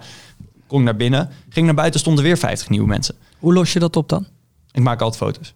Ja, dat sowieso. Maar ook Ja. als je het niet leuk vindt, dan doe je toch je lach Ja. op zeggen. zetten. Ja, niet per se dat ik dan echt gelijk... Oh, wat superleuk dat jullie hier staan. Oké, maak maar een foto, maak een foto. Dan is het wat simpeler als het ware. Maar wat ook is, het is voor mij vijf seconden... en zij kunnen er soms een uur, een dag, een maand blij van zijn. Dus ja, ik, weet ik vind dat dan ook... eh, dat gun je ze ook op een of andere manier. Tuurlijk, maar het is ook wel eens moeilijk. Ik merk het zelf ook. Eh, ik heb eigenlijk nooit moeite hoor om met mensen foto's te maken. Het heeft me ook nog nooit tegengestaan. Niet zoals mijn eigen gezicht, maar ik kan me wel, kan me wel voorstellen dat als je dagelijks aan het vloggen bent, Dat iedereen namelijk weet waar je de hele tijd bent. Ja, en ja, je deelt al zoveel. Ja, bij jou staan ze niet voor je huis, hè? ja wel. Maar ja, Ja, maar, ja, maar niet met, met, met 40... eh, nee, omdat ze niet precies weten waar ik woon. Nee. Maar ehm, ik heb wel moeite met mijn telefoonnummer door te geven bij thuisbezorgd. Ik heb wel moeite met Ja, de deur open tuurlijk. te doen op het moment dat ze iets komen afleveren. Ik heb wel moeite met, want ze weten dan allemaal waar ik woon. En mijn telefoonnummer komt op straat te liggen. Het is best wel, er zijn allemaal van die dingen. En het klinkt treurig alsof ik mijn hele leven oh, één grote puinhoop is. Maar dat zijn wel de kleine dingen waar je rekening mee moet houden. Omdat, ja, dat raakt je wel wat meer dan je denkt af en toe. Als ik met mijn vriendin op de bank zit, vraag ik aan haar, doe jij even open? Want ja, niet de hele wereld hoeft te weten dat ik hier woon. Ik heb nu ook een camera bij mijn deur gehangen dat ik altijd op mijn telefoon kan kijken wie er aanbelt. Ja, slim. Ja, Ja, dat is dat, is gewoon iets wat ik, reden. ja, dat is iets wat ik dus ook eigenlijk moet doen. Het zijn allemaal van die kleine dingen die... Er hoeft er maar eentje te zijn die een keer wat geks hoeft te denken. Ze weten waar je woont. Ze weten dat er misschien wat te halen valt. Of dat denken ze in ieder geval. En dan ben je de Sjaak. Heb jij weer een vriendin? Ik, eh, Hier moet een stukje knippen. nee, nee, nee, dat wordt- nee, nee we, sp- we bespreken hier alles. Nou ja, ik, ik, ik kan het ook aan hem vragen, Ja. omdat we het er ook in het verleden wel eens eerder over hebben Nee, gehad. Dus ik gooi hem er ook in. ja. Ja. Oh, Ja. mooi. Ja, maar laat dit maar, laten we dit... eh, eh, ja. Nou, dan laten we het hierbij, toch? ja, laten we het hierbij. Ja, Ja. want ik, anders heb ik straks weer al die, al die, al die gekke... Jasper, kunnen we dit zo even naar Telegraaf? eh? Ja, ja, maar echt, dat vind ik dus. Ik heb daar zo'n Je vraagt schaar meeste Nee, boeiend. voor... Maar kijk, dat is dus, ik heb dus heel veel moeite, heel veel moeite om mijn persoonlijke leven op straat te gooien. Ja. Vind ik echt heel moeilijk, omdat ik altijd eigenlijk alles heb gezien vanuit een soort van zakelijk iets. En ik merk nu wel dat ik het steeds leuker vind om toch wat persoonlijkere dingen te delen, om wat meer met de mensen begaan te zijn en echt. Weet je wat, ik heb toch een merk ben ik aan het bouwen met Day One. En JJ Bosker kan me niet zo heel veel fokken, maar Day One vind ik heel leuk. En ik hoop dat mensen daar fan van zijn. Dan vind ik het leuk dat ze ook wat meer zien over hoe ik me daarover voel. Maar ik vind het wel moeilijk. Want, Ja. want ik moet echt een stukje van mezelf weggeven. Ja, maar het- ik vind dat persoonlijke ook juist wel weer heel leuk. Want ik was toevallig dan twee dagen geleden ging paardrijden. Toen ben ik van een paard afgevallen. En ik heb Goed echt- idee. Ja, maar ik, ben, ik was op mijn reet gevallen en mijn stuitje doet echt niet normaal veel pijn. Dus zitten nu doet oprecht nog steeds pijn, twee dagen later. Ja. En dan komen er mensen op straat, "Eh, gaat er weer goed met je, met je stuitje en eh, nog veel last van. Ik kan dit en dat proberen om dan beter te laten gaan. Dus dat vind ik super leuk, omdat je dus ook echt meer deelt. Dat je ook mensen echt met je meedenken en meer die ja, v- verbintenis samen of zo hebt. Ja. Waardoor ze ook weer langer blijven kijken. Zeg maar, ze En ze zijn, leven met je mee. ja, dus business-wise is het natuurlijk supergoed dat mensen... die gaan nooit een dag skippen, want ze willen elke dag weten wat er gebeurt. En bij jou zullen ze misschien makkelijker zeggen van... oh ja, nee, ik vind GTR geen leuke auto, ik kijk deze niet. Ja. Ja. Ja. ja, en zo heb ik er ook nog nooit over nagedacht hoor. Ik denk dat wij, we hebben Day One altijd opgezet als een soort van merk. Waar ik het heel belangrijk vind dat mensen gewoon 15 tot 20 minuten vermaakt worden, soms wat langer. En dan mogen ze weer weg. En ik vind het vet dat ze elke keer weer terugkomen in een grote getale aan het kijken zijn. Ehm, en dat we echt een community hebben gebouwd, wat ik ook eerst niet dacht. En dat we overal worden gevolgd. En dat het alleen maar mannen zijn. Dus we zijn echt een soort van mannen met elkaar. Dat was er ook nog niet op YouTube. En dat vind ik heel vet. Ja. Ehm, maar om nu dat als morgen... Ik heb bijvoorbeeld met Jaap, die komt nu een paar keer in wat video's voor. En dan, Jaap is blind aan één oog. Je hond, hè, voor de Ja, duidelijkheid. ja, ja. dat is een guy waar ik altijd mee chill. Ja, nee, ja. Nee, ja, mijn hond is dus aan één oog blind. En, en toen ik voor het eerst mijn hond deelde op social media, zei ze: Ja, een doorgefokte eh, hond, bla bla bla bla. Terwijl zijn moeder heeft in zijn oog gestaan toen hij, eh, eh, toen hij volgens mij twaalf dagen oud was. En toen is hij blind geraakt aan één oog. Dat heeft niks daarmee te maken. Hij is gezond wel. Ik heb hem triple laten checken. Het is helemaal top. Maar ik merkte dat het me wel raakte dat. Ik, ik, da- ik ging al wat persoonlijker, dus door een hond. En er gingen mensen dat soort de- dingen over mijn hond zeggen. Ja. Dacht ik, ja, nu wordt het persoonlijk. Oh, wacht. wa- Wat? Even. Dus als iemand jouw hond bijvoorbeeld lelijk noemt, dan voel jij jezelf daarop aangevallen.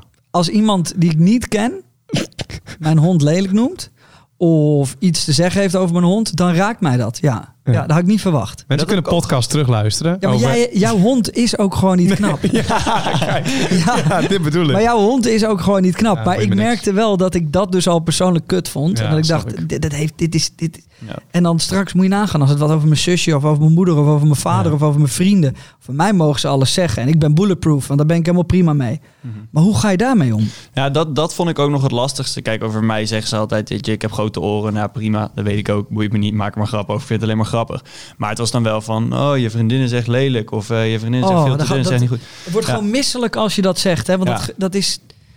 Ja, dan zit ik meestal, denk ik ook gewoon van ja, degene die hierachter zit, is of heeft verveelt zich echt gewoon helemaal Lazarus en zit gewoon comments te typen over alles wat hij denkt. Of hij is tien, dus heeft alsnog geen idee wat het is.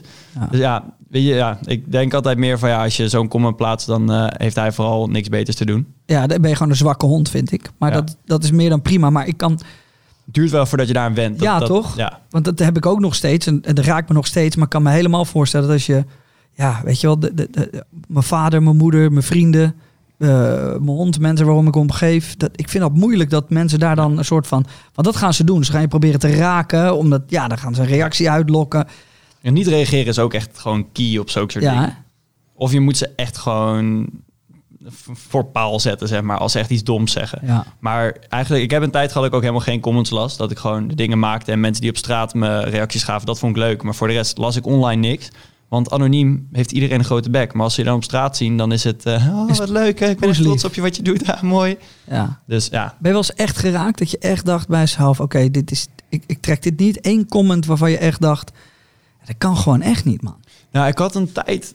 Ja, het was niet per se dat, dat ik het niet vond kunnen dat me echt pijn deed. Maar ik had een tijd toen vond mijn vlogs even shit. Want ik was heel veel druk met andere dingen. Vooral zijn bij de. Dat was toen net mijn park het idee daarvan was. Ja. Dus toen waren we daar veel mee bezig. En toen stelde ik mijn vlogs eigenlijk een beetje achter. Toen had ik in mijn hoofd van, ah, mijn vlogs gaan echt niet lekker. Zijn echt net niet leuk genoeg naar te kijken. En dat je dan wat comments ziet van, ja, je vlogs zijn de laatste tijd wel echt shit. Dus ja, ze, ze bevestigen gewoon wat, wat ik zelf al dacht dat zo was. En dat zijn denk ik de meest vervelende dingen. Dat kan ik me Ja, voorstellen. dat je hoopt eigenlijk dat het niet zichtbaar is voor andere mensen en dat het dus blijkbaar wel zichtbaar is. Weet je, Ja. weet je wat ik heb? Ik, ik heb hem nu tevoorschijn getoverd. Dit heeft mij zoveel gedaan dat ik het zelfs in een groepsapp met vrienden heb gestuurd. Wil je hem voorlezen? Ja, mag ik hem voorlezen? Je hoeft de naam niet te noemen. Ik ken, ik ken haar overigens ook niet. Dus ik weet ook niet wie het is. Hey Jordi, ik heb een vraagje en het is helemaal niet beledigend bedoeld. Nou, als mensen zo beginnen, dan weet je al dat het fout gaat. Maar ik zie je maar ik zie op je laatste Insta-post dat je weer wat voller gezicht krijgt. Wow. Maar ik zie op je laatste Insta-post dat je weer een wat voller gezicht krijgt. Dus een beetje de oude Jordi van vroeger aan het worden bent. Klopt dat? Vraagteken. Ik hoop dat alles goed met je gaat. En misschien zie ik het verkeerd. En is het he- helemaal een en is het allemaal een vertekend beeld. Maar ik was destijds echt trots op wat je had bereikt. En hoop eigenlijk dat je nog steeds zo goed bezig bent. Maar ik zag toch weer een wat voller hoofd en wil, dus, wil het dus wel even navragen. Ik, en al- en ja, als het privé is, heb ik daar he- heel veel respect voor. Liefs. Het is wel met respect geschreven. Nou, dat, dat, ja, en dat, dat, eh, dat, eh, daarom deed het me denk ik nog extra veel. Omdat het aan de ene kant met respect bedoeld is, maar aan de andere kant dacht ik ook, waarom dit, het is, hmm, Gaat je niks aan.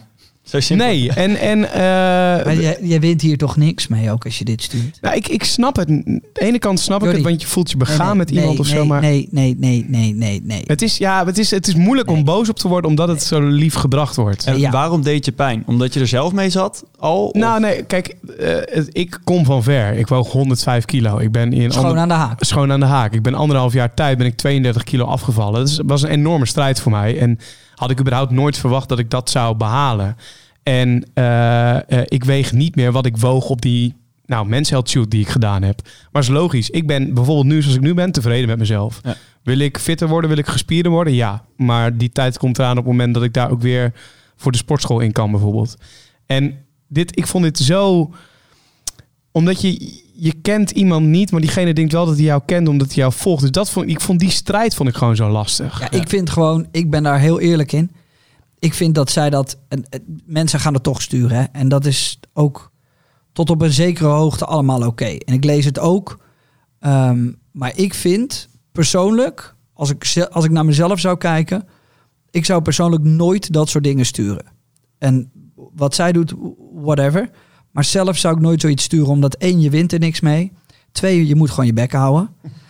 Drie, dit kan nooit. Had ik al gezegd, je wint er niks mee? Ja, Nee, ja, maar ik bedoel, ja. het, je gaat nooit iemand beter laten voelen daardoor, hoe lief je het ook schrijft. Geen normaal, als je dit.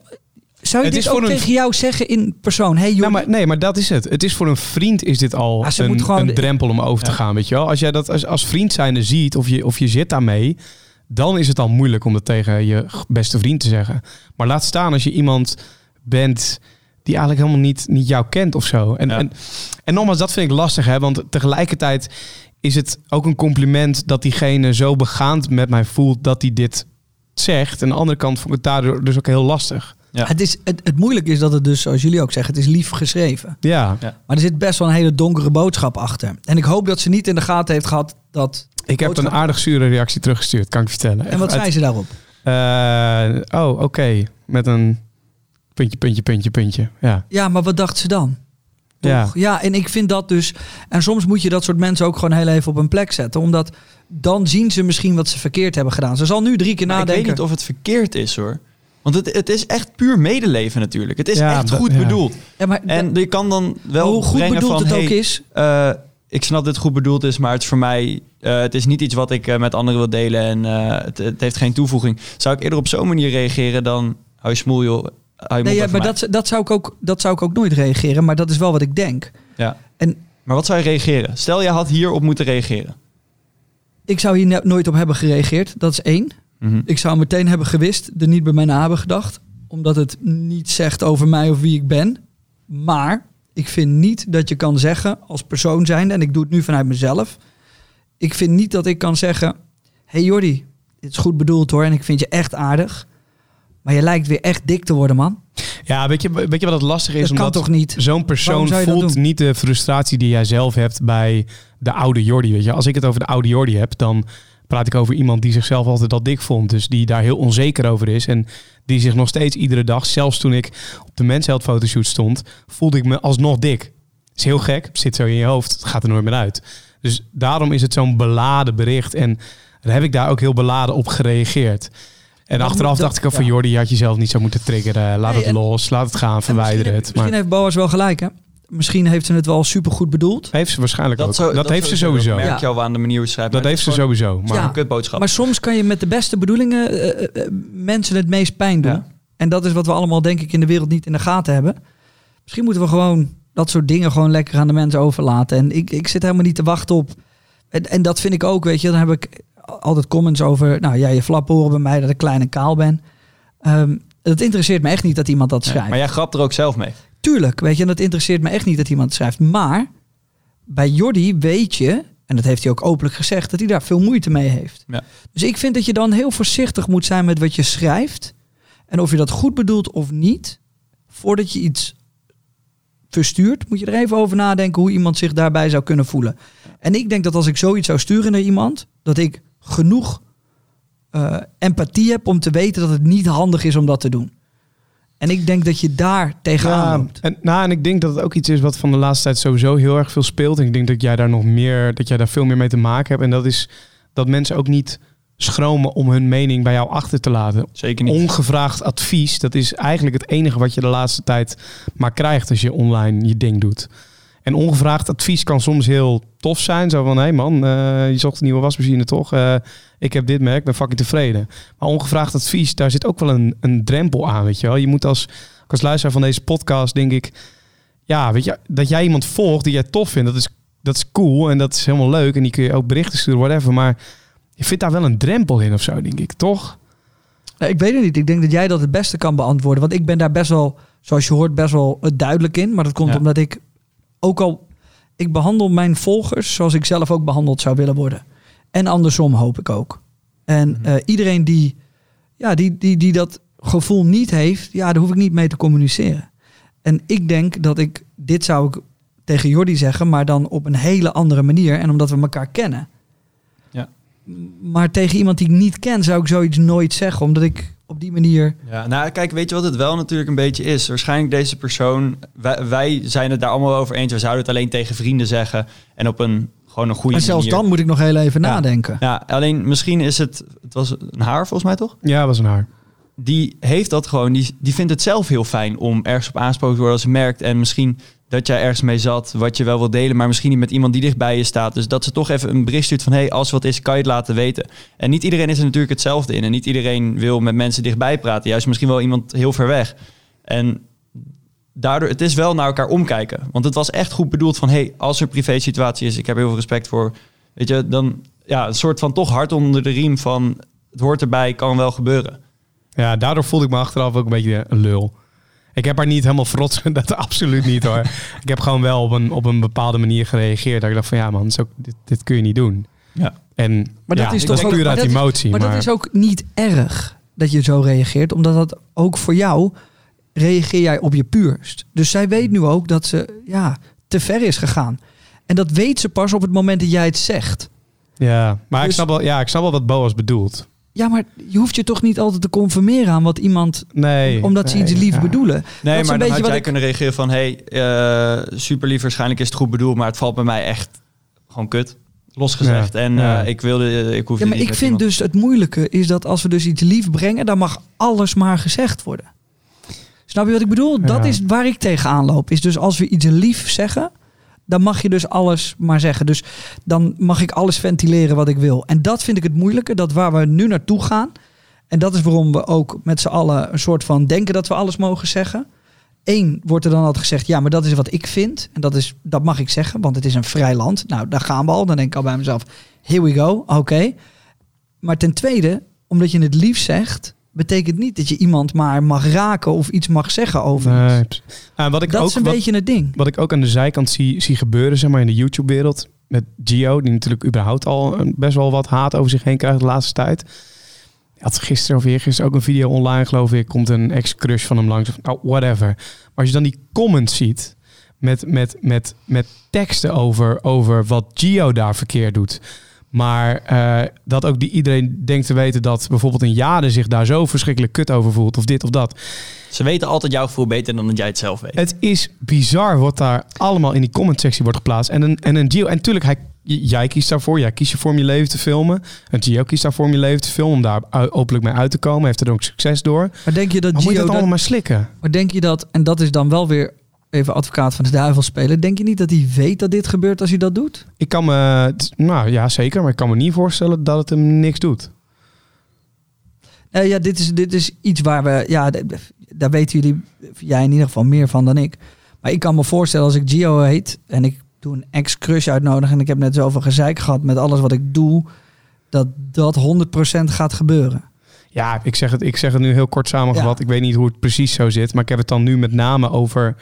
Gewoon een hele bak met stront over je Ja, heen maar dat is, dat, is het, dat is het hele ding. Is dat we met z'n allen. eh, Ja, ik ben gewoon niet een fan van dat iedereen denkt dat hij alles maar mag zeggen. Nee, ja. Ja. Eh, Op wat voor manier dan ook. Ja, nou ja, ik vind dat... Dat zou ik een hele goede vinden... als je gewoon online niet meer 100% anoniem kan zijn. Ja, Dat altijd... En ben je dan, ben je dan voor dus ook dat, dat eh, hoe heet dat systeem met gewoon met ideebewijs bijvoorbeeld? Ja, waarom niet? Want wat, wat is er slecht aan? Je kijkt YouTube-video, ja, en je wil niet je identiteit weggeven, maar eh, als het alleen, zeg maar, stel iedereen zou zijn idee in moeten laden en alleen als er echt iets aan de hand is, als iemand met ziektes loopt te schelden en gewoon elke keer weer, dat er dan via de politie die, die identiteit kan eh, achterhaald zou kunnen worden. Dat, ja, wat is daar mis mee? ja ik vind dat echt. Ik denk niet dat het waterdicht is nog, maar ik denk wel dat het een goede eerste stap is. Ja, Kijk, iedereen moet gewoon verantwoordelijk worden gehouden voor wat hij of zij zegt. Ja. En dat is belangrijk. En dat is waar we steeds meer naartoe moeten gaan. Is de, de, de vogelvrijheid van wat iedereen maar mag zeggen is moeilijk. Mhm. En ik denk dat ehm, we vinden dat we alles mogen zeggen omdat... Ah ja, maar die verdient toch genoeg geld. En die wil toch bekend zijn. Dan, dan krijg je dit erbij. Terwijl ja. Dat is niet oké, man. Dat, is, dat is niet hoe het dat werkt. is niet hoe het werkt. En Nee. ik denk ook niet dat dat verstandig is naar, eh, eh, eh, naar iedereen toe om op deze manier te blijven werken. Omdat het, het gaat steeds meer fout. Ehm, en ik snap dat je gestraft wordt op het moment dat je dingen fout doet. Dat is logisch. Dan mag je ook openlijk aan de schandpaal genageld worden, want dat is je werk. Dus als je openlijk iets goed doet en daar ehm, eh, ehm, Complimenten over complimenten over ontvangt. Ja. krijgt, dan, dan is dat goed. Maar als je het slecht doet, dan moet je ook openlijk, eh, ja, moet je daarvoor garant staan als het kut is. Zo simpel is het ook. Ja. Maar, Maar ik vind dat, het dat voor de- vind ik wel, als jij iets goed doet, is heel vaak, oh goed gedaan, wauw, oké, volgende ding. En als je iets slecht doet, blijft het weken hangen. Ja. Terwijl dat goede ding Ja. misschien honderd keer zo goed kan zijn als het slechte ding. Maar mensen die willen gewoon iets te roddelen hebben en willen altijd kunnen Daar- zeiken. daar ben ik er ook voor een groot gedeelte mee eens. Aan de andere kant kan er vandaag wat fout gaan bij jou. En er ontploft morgen een bom ergens anders. En het is allemaal weer... Ja. Aan de- het, het is- het is echt, als je iets fout doet, moet je gewoon zorgen dat iemand anders morgen iets nog ergers doet. Ja, En dan is het allemaal oké. dat is het gekke. Niet dat als je het allebei, niet als jij zelf ook verantwoordelijk bent voor die bom die ook ontploft en ook dan zelf Nee, het dan is anders. het een beetje gek. Ja, maar het, is, het, is, het, is, het is natuurlijk een eeuwenoude discussie hier die we hebben. En daar hou ik ook wel van. Soms is het heel handig om te hebben. Ehm, om, omdat de duidelijkheid van waar de grens ligt, wordt steeds meer opgeschroefd. Het wordt steeds bruter. Het wordt steeds harder. Het wordt steeds meer een cancelcultuur. Als jij ook maar net iets verkeerd zegt, dan, ja, dan, dan word je een kant op geduwd die je waarschijnlijk niet eens hebt bedoeld. Maar daar gaan ze met z'n allen. En als er eentje gaat, dan gaat de hele wereld. Maar een heel klein voorbeeld ervan. Kijk, jij doet veel met auto's en je zal vast wel eens een keer iets fout hebben gezegd over een auto. Ja, ja niet niet één keertje hoor. Maar ja, ik rijd dan sinds kort BMW en ik wist niet hoe ik mijn auto in park moest zetten. Het is super stom. Hij heeft geen parkknop. Ik moest hem in de eerste versnelling en dan uitklikken. Ja. Nou, ik had het gewoon laten zien dat ik er 10 minuten mee heb lopen kloten. Nou, hoeveel ben je? Ja, sukkel. En jij denkt dat je zo'n auto mag rijden en je bent Ja. het niet waard. Ik zit, het is gewoon een nieuwe auto. Ik snap niet hoe het werkt. Ja. Hey, waar komt die passieve auto's vandaan? Even om eh, wat luchtiger te worden. Eh, echt uit de lucht gevallen. Echt? Echt zo eh, tot mijn 18e, 18,5 zelfs denk ik. Niks met auto's, boeide mij gereed. Eh, een Up en een RS3 zag ik het verschil niet tussen. En ehm, toen had ik mijn rijwijs, die had ik op mijn 18e gehaald. Toen begon het een beetje van, nou, wat zou leuke auto's zijn. Ik had een A3-les gereden, dus dat was toen echt eh, wel een mooie auto. En dat vond ik ook super. Dus ehm, toen daarvoor gaan sparen, na een half jaar heb ik die kunnen kopen. En toen eigenlijk steeds meer ging het eh, vrienden van me die dan van auto's hielden. Het kwam ik een beetje in de Japanse dingen. Hoe kwam je in die Japanse auto? Ja, een vriend van me had een MX-5. En Oh, ja, dat is ja. echt kappersauto, 100 pk op de achterwielen. Je komt nauwelijks vooruit. Maar hij was helemaal verliefd op. Dus ik ging dan een beetje meehelpen, ging een beetje kijken. En zo eigenlijk langzaam erin gerold. En ehm, ja, dan krijg je vrienden die van ouds houden. Je hebt net een iets groter budget dan een gemiddeld iemand van jouw leeftijd. Dus ik kon gewoon gelijk een A3 kopen, wat echt al insane is. En dan leer je weer mensen kennen die ook een A3 hebben, maar die kopen dan weer een S3. En dan zit je ook, ook een S3 en ook weer een RS3. En je, je blijft maar doorgaan zo. En dat heb jij denk ik ook wel een beetje hetzelfde gehad van, van kwaad komt erger. Ik, ja, dat, dat, maar dat is de, de ontembare passie voor alles wat je hebt. En, en om maar vooruit te gaan. En om jezelf ja, ook blij te maken met dingen die je vet vindt. En dat Ja. vind ik ook, ook, ook heel nice. Is ook de, je werkt er hard voor.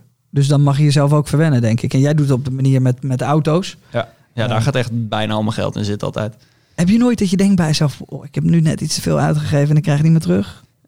Eh nou, ik krijg het uiteindelijk wel terug. Kijk, ik kan die auto altijd verkopen en heb je alleen de afschrijving. Ja, Dus- maar de soms zit er een behoorlijke afschrijving op hoor. Ja, ik, ik weet dat oprecht nog best wel goed te doen bij de vorige auto's die ik heb gehad. Ja. Dus, ehm, nou, en ik heb het geluk, ik kan een auto, net zoals die RS3, die heb ik gewoon zo bekend gemaakt dat daar een hele marketingwaarde achter zit. En dan kan je hem ook gelijk weer voor meer verkopen, waardoor ik minder afschrijf. Ja. En dat is gewoon super. Ehm, dus zo kan je over een beetje slimme trucjes. En ik had, ik had nu laatst een berekening gemaakt van... stel, ik zou een Lamborghini kopen. En, Here we go. nou ja, ik, ik, ga, ik ga het niet doen, echt niet. Nee, nee. Maar ehm, stel, ik zou dat doen. Ik zou voor 250.000 euro een Lamborghini kopen. Ik rijd er een half jaar in. De afschrijving is 20.000 euro. Als je gaat kijken naar de andere jongens, als zij zo'n auto kopen, hoeveel weergave krijgen ze erop? Hoeveel krijgen ze er meer door? Eh, eventuele branddeals. Kan je die auto misschien waardevast zien te kopen? Of via een deal met een garage weten te kopen, maar naar weer privé verkopen, waardoor je zeg maar de inkoopprijs kan je weer naar verkoop om Ja, ja, ja. turnen. Kan, het kan winstgevend zijn. En ik heb er ook echt Ja, het over is nagedacht. winstgevend voor een hoop voor de jongens. Ja. Tuurlijk. Anders zou je het niet doen. Nee, dus ik, ja, ik zit er ook gewoon over na te denken. Wil ik niet gewoon een semi-normale auto gaan rijden... en gewoon daarnaast echt een, gewoon een twee zitten en gewoon kanon. knallen. Echt Ja. een kanon. Maar Waar wil- zit je over na te denken? Gewoon eerlijk. Als je nu... Eh, R8. Ja, lijp. nee, Vet. Nee. Niet? nee, Oh, ik vind het zo vet. nee. Wel V10. Ja, oké. ik vind een R8 vind ik zeg maar een beetje de Lamborghini, maar dan gewoon netjes of zo. Gewoon vet, gewoon Minder schreeuwerig is het. minder schreeuwerig. Ja. En het is... Ik had een vijfcilinder in mijn... Maar die heeft eh, Roy toch ook? Ja, dus. Mijn wordt dikker. dan. Ja, ja. ja, en dat is het. Ik doe natuurlijk superveel met auto's, echt upgraden en Ja. tunen en weet ik wat allemaal. Dus eh, ik wil dan ook gewoon een R8 met de grootste vleugel die je kan vinden en de dikste wielen en op lucht en performance mods en weet ik wat allemaal. Nou maak je het wel lijp. Ja, dus dat, dat, ik wil dan wel iets neerzetten wat niet iemand anders heeft. En ehm, nou, ik gooi wel gewoon even al mijn ideeën op tafel die ik heb gehad, die ik niet heb gedeeld. Ik zat te denken om een nieuwe RS3 te kopen. Ja? En dan gewoon hem zo snel te maken dat hij gewoon Lambos eruit trekt. Dus eh, onder drie seconden naar de 100, eh, onder de acht seconden naar de 200. Ehm, gewoon lijp te gaan. En dat dus je eigenlijk gewoon een familieautootje pakt, een gezinsauto die gewoon zo ziek is dat iedereen zit van, wow, dat ding moet je een keer zien.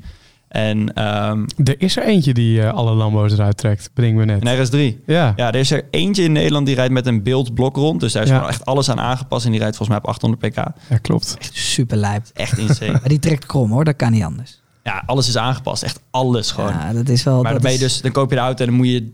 Dan moet je er een Lambo in keer. gooien. Ja, Ja, ja, ja. Weet je wat ik wel hoop, zeg maar, voor, voor, voor de kinderen die, die, allemaal kijken, zeg maar, en ook die nu gewend zijn, hè, dat, dat jonge gasten rijden in dikke wagens, dat er wat meer wordt uitgelegd of zo. Weet je wel? Ik, Ik deed dat laatst en dat ging helemaal fout. ja? Ja, ik had dus uitgelegd. eh, ik zei van ja, een vriend van me ging een nieuwe A3 ophalen. Dus ook gewoon een mooie auto. Hij is 21. Weet je, het is echt super mooi. Dus ik legde uit van ga er niet van uit dat iedereen zo'n auto kan rijden. Het is echt speciaal en we hebben het super goed. Dus ehm, ook stel je bent jonger, ga er niet van uit dat je ouders zomaar zo'n auto kunnen kopen. Alleen ik had het in mijn hoofd van. Ik zei van ga er niet vanuit dat je zoiets kan rijden. Van eh, meer als geruststellend als het niet zo is dat het niet erg is. Maar zij ging ervan uit van kijk mij hoe cool ik ben, want ik kan wel zo'n auto rijden. Dus dan moet je ook nog zo specifiek Ja. met je woorden zijn dat zij het niet verkeerd oppakken. Want ik bedoel het echt op zijn allerbest, zeg maar. Nou, wat ik, wat ik heel sterk vond, wat, wat Quinn laatst in zijn stories deed, die vertelde over dat hij zijn, zijn AMG, zijn Mercedes wilde verkopen.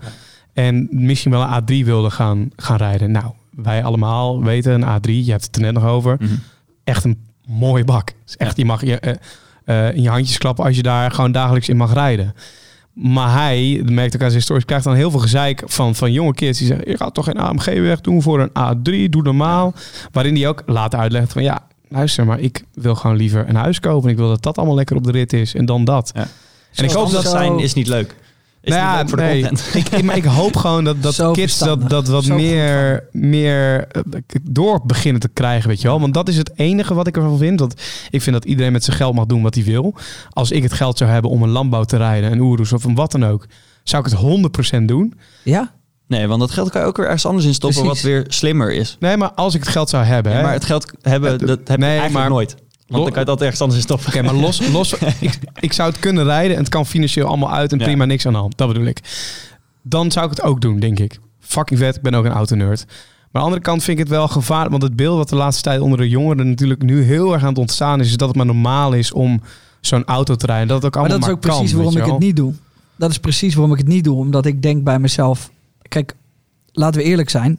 Ik kan echt wel een hele mooie, goede auto kopen als ik dat zou willen. En ik denk dat het niet zo heel veel uitmaakt eh, welke auto dat zou zijn. Op het natuurlijk eh, de, de miljoenen auto's na. Laten we daar even ook eerlijk over zijn. Maar ik kan in principe elke auto rijden die ik zou willen. Alleen, ik kies ervoor om als ondernemer te investeren in iets anders dan in een auto. Want ik hoef geen dagelijks content ermee te maken. Het gaat mij niet direct meer opleveren. Ik en dat is rij, het verschil. precies, ik rij voor mijn plezier rij ik elke week in andere auto's. Ik mag in elke auto rijden die ik wil. Ik ben verschrikkelijk blij met mijn Kia. Ehm, ik ben daar trots op. Ik ben heel erg blij dat ik ambassadeur ben van zo'n mooi merk met zulke fijne mensen. Maar ik geloof vooral ten eerste dat ik moet en wil investeren. Nee, niet ik moet. Ik wil investeren in andere dingen. En dat zijn auto's voor mij gewoon niet. Omdat het dus niet zoals bij Boas een investering is bij mij. Het is bij mij echt direct geld verliezen. En dat geld dat ik daarop verlies, kan ik in vastgoed steken. Kan ik in crypto steken. In aandelen. Ja. Pokémon kaarten kan. Het maakt Ja. allemaal niet uit. Alleen als het maar een horloge is. Als het maar een investering is. En een auto is in mijn geval gewoon geen investering. En je hebt die plezier al, omdat jij via de video's al gewoon veel kan rijden. Maar stel jij had de video's niet gehad. Je had gewoon een goed gevulde bankrekening gehad. En je, je haalt zoveel plezier uit zo'n auto. Dan zou je... Dan moet je het direct doen. Ja, Dat moet je direct doen. Als ik zie ook hoe jij erover praat, dan moet je het direct doen. En ik denk ook dat als ik niet al die auto's had gereden, zoals jij zegt, dan had het misschien wel anders geweest. Ja. Maar iedereen die tegen mij zegt, jij, jij moet dit rijden, jij moet dat rijden. Ik ben content. Ik heb verschrikkelijk veel Ja. moois onder mijn kont zitten elke week. En wij mogen de mooiste auto's ter wereld rijden. Ik word de wereld over gevlogen om van alles te testen. En ik ben fucking blij met mijn Kia. Je, En dat is, dat is denk ik heel belangrijk. En ik denk dat ik daarom ook wil laten zien dat je kan gewoon normaal rijden. Het hoeft niet allemaal gek te zijn. Nee. Het hoeft echt niet. Maar als je de passie hebt en je hebt de centjes, dan is het wel heel leuk. Ja, maar stel, kijk, jij, jij hebt nu natuurlijk een samenwerking. Dus daardoor is het voor jou gewoon super mooi om zo'n auto te kunnen rijden. Maar stel, je had een RS7 mogen rijden vanuit Audi. Op, in dezelfde deal. Mhm. Had je dat dan lief gedaan of maakte je dat echt geen reet uit? Mm, nee, ik, had- dan had ik, had ik een RS7 ook heel leuk gevonden. 100%. Maar ik was stiekem, deze, die stinger die ik nu rijd, dat vond ik altijd al een vette wagen. Ja, is het ook. Dus ik dacht bij mezelf, ja, als ik iets moet kopen, koop ik die wel. Eén, omdat het voor mij de gulden middenweg is. En twee, ik vind het gewoon echt een vette wagen. En, en natuurlijk ga je, als je moet kiezen tussen een RS7 die je krijgt of een Stinger, natuurlijk ga je dan... Voor de Stinger. Waarschijnlijk ga je voor de RS7, maar dat is niet meer dan logisch. Alleen, ik ben net zo blij met deze als met die RS7. Dat is wat ik probeer te zeggen. Dat heb ik bijvoorbeeld ook. Ik, ik dacht namelijk heel erg, want ik, had, ik reed hier voor een BMW, een 3-serie, hartstikke mooie deal met, met BMW voor gehad. En ik kwam er na een jaar, want die deal was voor een jaar achter. Volgende deal die er gaat liggen, corona, marktwaarde van die auto's, gaat gewoon niet rendabel zijn. Ga ik iedere maand krom liggen om een dikke auto te rijden? Gaan we niet doen. Maar toen was, ja, wat gaan we dan wel doen? En toen ben ik op zoek gegaan en toen vond ik een Mitsubishi Outlander PHEV uit 2015, weet je wel. Fucking brute wagen vond ik. Want lekker hoog, dat Ja. rijdt lekker lomp. Hou ik van, we hebben voorliefde voor. En ik dacht van, ja, mensen gaan straks me voor gek verklaren, weet je wel. Die denken, Jordi rijdt in een fucking BMW, rijdt nu in een Mitsubishi. What the fuck is dit? Dat is je ego. Maar ja, weet je, nobody cares. Iedereen vond het fucking vet. Ja. Oh, le- leuke wagen en eh, oh, wat tof. Omdat ik Zij- er ook een beetje uitleg over gaf, weet je wel. Zo van, ja, weet je, even gewoon inhouden. Ja, we kunnen altijd nog onverstandig doen. Precies, en je moet zorgen dat je geen ego-rijder wordt. Nee, precies. Niet een Ja. ego-rijder worden. Niet je ego laten winnen als je een auto koopt. Dat heeft totaal geen nut. Na een week ben je die auto niet zat, maar ben je eraan gewend. En denk je bij jezelf, oké, dit kost me zo verschrikkelijk veel geld. Ik weet niet of dit de beste keuze was. Op het moment dat je je ego de keuze gaat ma- laten maken voor een auto... Ja, dan ben je ver van huis. Want voordat je dat contract terug moet eh, eh, betalen... of de auto weer moet inleveren... is die in ieder geval een stuk minder waard geworden. Ja. En dat is waar, waar ik heel... Dat vind ik het allerbelangrijkste... is dat we geen ego-rijders moeten worden. En dat is waar ik gewoon heel voorzichtig mee ben. Ook met de jongens hier. We hebben het er heel vaak over. Ja, dan koop ik die. En ik, ja, en dan? Eh, dan kan je de huur niet betalen op het einde van de maand. Omdat je zoveel benzine moet betalen dat het niet meer, niet meer werkbaar is. Of heb je wel eens gezien hoe moeilijk het is om een auto te verzekeren? Ja, hoe, dat jongen. ja, hoe moeilijk is het als YouTuber om je auto te verzekeren? Ja, ik heb mijn, eh, mijn RS toen ik hem kocht. Ik was 19. Ik woonde in Amersfoort, echt midden in de stad. Geen eigen oprit, gewoon aan de straat geparkeerd. Ja. Er was één verzekeraar die me wilde hebben. 650 euro per maand. Ik ook man, 1300 euro per maand. Voor één auto? Ja. Hè? Wat reed jij? Nee, ja, kijk, dat is een beetje het ding. Dus- en heb je Job nog niet eens gesproken? Job Lafuente. Ja. Fuente. Wij hebben er acht maanden over gedaan om onze auto's te verzekeren. Ja. Maar heb jij ooit zoveel ongelukken veroorzaakt? Nee, nee, nee. Het is gewoon, zij zien gewoon dat we in allemaal auto's rijden. En zij zien gewoon, ja, maar ja, jullie rijden best wel hard. En in veel auto's. En er gebeurt veel mee. En komt op, op het internet te staan. Dus jullie auto's zijn ook gewild. Ja, jullie zijn te veel risico voor ons. We gaan je niet verzekeren. Ja, of je moet ons dit betalen. En dan krijgen we gewoon een random bedrag. En dan, Gewoon iets opschrijven en een nulletje erachter. ja, hoppakee. maar echt, dat is echt zo. Dus we hebben gewoon met de 1300 mediator, euro. we hebben met de mediator, hebben wij met z'n tweeën onze auto's moeten laten verzekeren. Ja, shout-out naar Edzard. Echt waar. Die eh, wat oudere man. Die dan tussen alle partijen in gaat zitten en zegt... ja, maar ja, dat kan je niet maken. En op die manier hebben we gewoon maanden over gedaan. En er was maar één man die het kon regelen en dat was hij. Maar dat was voor deze auto. Dat is voor deze auto, ja. Als ik, dat is ook nog een reden waarom je niet veel duurder gaat rijden. Is, want het is onfucking betaalbaar op het moment dat ik niet alleen qua eh, BPM, alles erop en eraan, maar ook qua verzekeren. eh, Niemand wil me. Het is echt eng gewoon. Nee. Ik, ja, ik heb daar dan misschien nog net niet zoveel last van gehad. Omdat, kijk, jij bent natuurlijk auto gefocust. En Ja. ik doe de bio met auto's. Maar ik sta nog steeds altijd bekend als de freerunner. Ja. Ook als het niet meer echt mijn main focus. Maar dat, dat helpt mij misschien dan nog weer wel. Want ik kan wel gewoon bij een FBTO aankloppen. Hey, ik wil me uitverzekeren. Oké, is goed. Maar Wat, wat is nu wel je main focus? Eh, ja, echt gewoon vloggen. Echt content algemeen. En dat is nu de afgelopen tijd te veel naar eh, auto's gaan. Omdat ik in Nederland vastzit. Ja. En als ik weer naar het buitenland ga, is het gewoon echt reiscontent maken. Dat vind ik het allervetste. En dan ga ik wel het freerunnen en het auto's erbij doen. Maar het gaat me vooral om gewoon die plekken te laten zien. Sick. En Ja. ehm, als je nu kijkt zeg maar, naar, naar het bedrijf wat je hebt opgestart. Prachtig pand. Eh, van binnen helemaal klaar ook volgens mij, toch?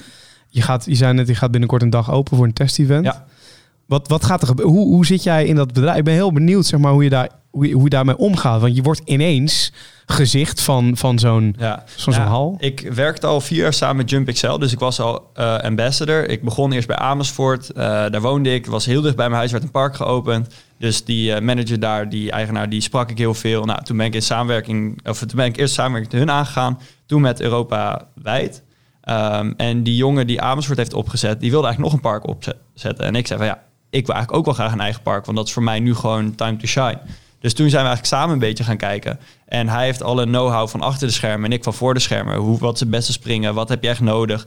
Ehm, ik kan designen, dus ik maak de branding. Ehm, ik promote het natuurlijk. Dus zo zijn we eigenlijk een beetje hand in hand gegaan. En zijn we samen met uh, Jump Excel zijn we gewoon ja, dat park begonnen. Dus hij heeft echt 50% aandeel, ik heb 5% aandeel en Jump Excel is de franchise. En ben jij dan nu ook degene die uh, ook er last van heeft, zeg maar, dat het nog niet open kan? Uh, nou, nu hebben we nog een. Kijk, we hebben gewoon geïnvesteerd erin en nu hebben we nog een beetje een potje over. Maar ja, stel het zou nog maanden duren, ja, dan moet ik uiteindelijk weer zelf bij gaan leggen. Ja. Wij krijgen ook, omdat wij niet open zijn geweest, krijgen we helemaal niks. Ondernemen. Ja, ja. maar dat, dat is wat heel veel fans misschien ook niet aan de voorkant zien. Nee, ja, maar dat is ook denk ik het mooie aan wat je doet, is dat je, uh, ja, dat, dat, dat zal, daar zal je het misschien over gaan hebben op het moment dat het zover is, toch? Tot die Als tijd in? positief. Nou ja, op het moment ja. dat je echt moet gaan bijleggen. Ben je daar dan ook eerlijk over in je vlogs? Uh, ja, nou, ik zeg heel vaak, hey, ik hoop dat we ook mogen, want dan, uh, dan gaat hem geld opleveren in plaats van kosten. En ja, tot nu toe, kijk, je hebt ook gewoon je stroom en alles wat je moet betalen. Ja. En het moet ook schoongehouden worden. Dus we hebben ook personeel rondlopen en online moet gewoon bijgehouden worden. Dus we maken wel kosten um, die, ja, nu geen inkomsten er tegenover hebben staan. Dus ik weet gewoon dat het uh, dat geld kost. En of het nu in het potje zit of nu nog in mijn eigen bankrekening, maakt niet zoveel uit. Het kost gewoon geld. Waar, waar loop je dan in de eerste tijd tegenaan in zo'n bedrijf? Of wat zijn dan dingen waarvan je dacht van, oh, zo had ik er nog helemaal niet bij stilgestaan dat het zo werkt? Uh, nou, ik heb het geluk dus dat Niels de Jong met wie ik het doe, die pakt echt alle saaie dingen op. En ja. ik doe echt puur design, de online, okay, de, de, leuke dingen vind ik. En ik word overal gecc'd en ik lees alles wel mee, maar ik hoef niet mijn hoofd erover te breken. En dat scheelt mij gewoon een hele hoop, want dat zou ja, ik echt niet bij fijn. kunnen hebben. En dan had ik ook gezegd van, nou, dan doe ik het niet. Want um, ja, vlogs is toch nog altijd wel number one priority. Moet ook, want zonder het vlog is... Uh, Valt alles weg.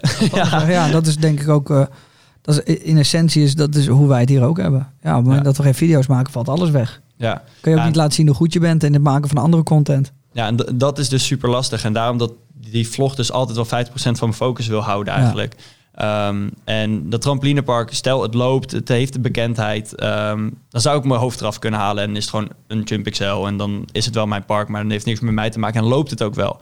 Maar vooral die opstartfase, het zit in Ede, Ede is geen A-locatie. Dan is het gewoon eigenlijk nodig dat ik eraan gekoppeld zit en dat ik relevant ben, zodat het die eerste push heeft en daarna dan suddert het wel door. Ja. Mooi hè?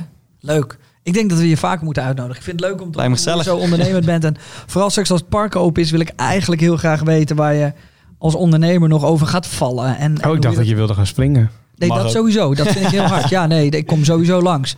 En ik kom ook ongegeneerd reclame maken voor je park. Want dat vind ik alleen maar Top. leuk. Ik vind namelijk dat we met z'n allen elkaar moeten steunen. Ja, dat vind ik leuk. Veel YouTubers die me sturen... Yo, als ik een keer een video moet opnemen of iets kan helpen met de promotie, laat me weten. Ja, maar dat is ook leuk. Ja, als je elkaar ja. op die manier kan helpen, dat is gewoon... Ja.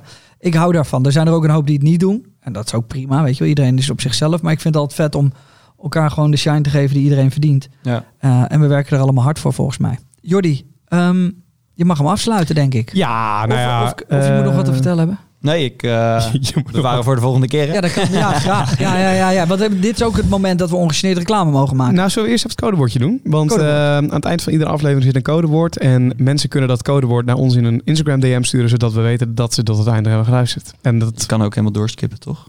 Dat zou zo ik dan zijn. Slim. Zou kunnen. Ja, slim. Je moet hem eigenlijk gewoon ergens random in de hele aflevering droppen. Ja, het is al de tweede gast die dat tegen ons zegt. Ja, ja, dus misschien, moet je er wel mee doen. doen maar. Ja. misschien moeten we er een keer van leren. Wat is de naam van je park? Van Park Jump Excel, Ede bij Boas. Boom. Dat, uh, uh, Zo, Jump Excel bij Ede bij Boas. Dat ja, hele stuk. lange naam. Je mag het ook gewoon Jump Excel noemen. Goed genoeg. Stuur okay. dat even in de DM. in de DM. Dus dan weet jij ineens, hè? Dan hebben ze dus naar de podcast geluisterd tot het einde. Jordi, wat moeten ze doen nog? Uh, even volgen op Instagram. Of, uh, pff, volg op Spotify bedoel ik. Hartje op, uh, opdrukken. En Apple Podcast, vijf sterren achterlaten natuurlijk. Even een recensie. Waar vond je ervan? Heb je nog andere suggesties van mensen die we uit moeten nodigen? Dat. En natuurlijk gewoon even in onze Instagram DM sliden. At JJ Boske, at Jordi Warnes en at Boas. O laagstreepje O.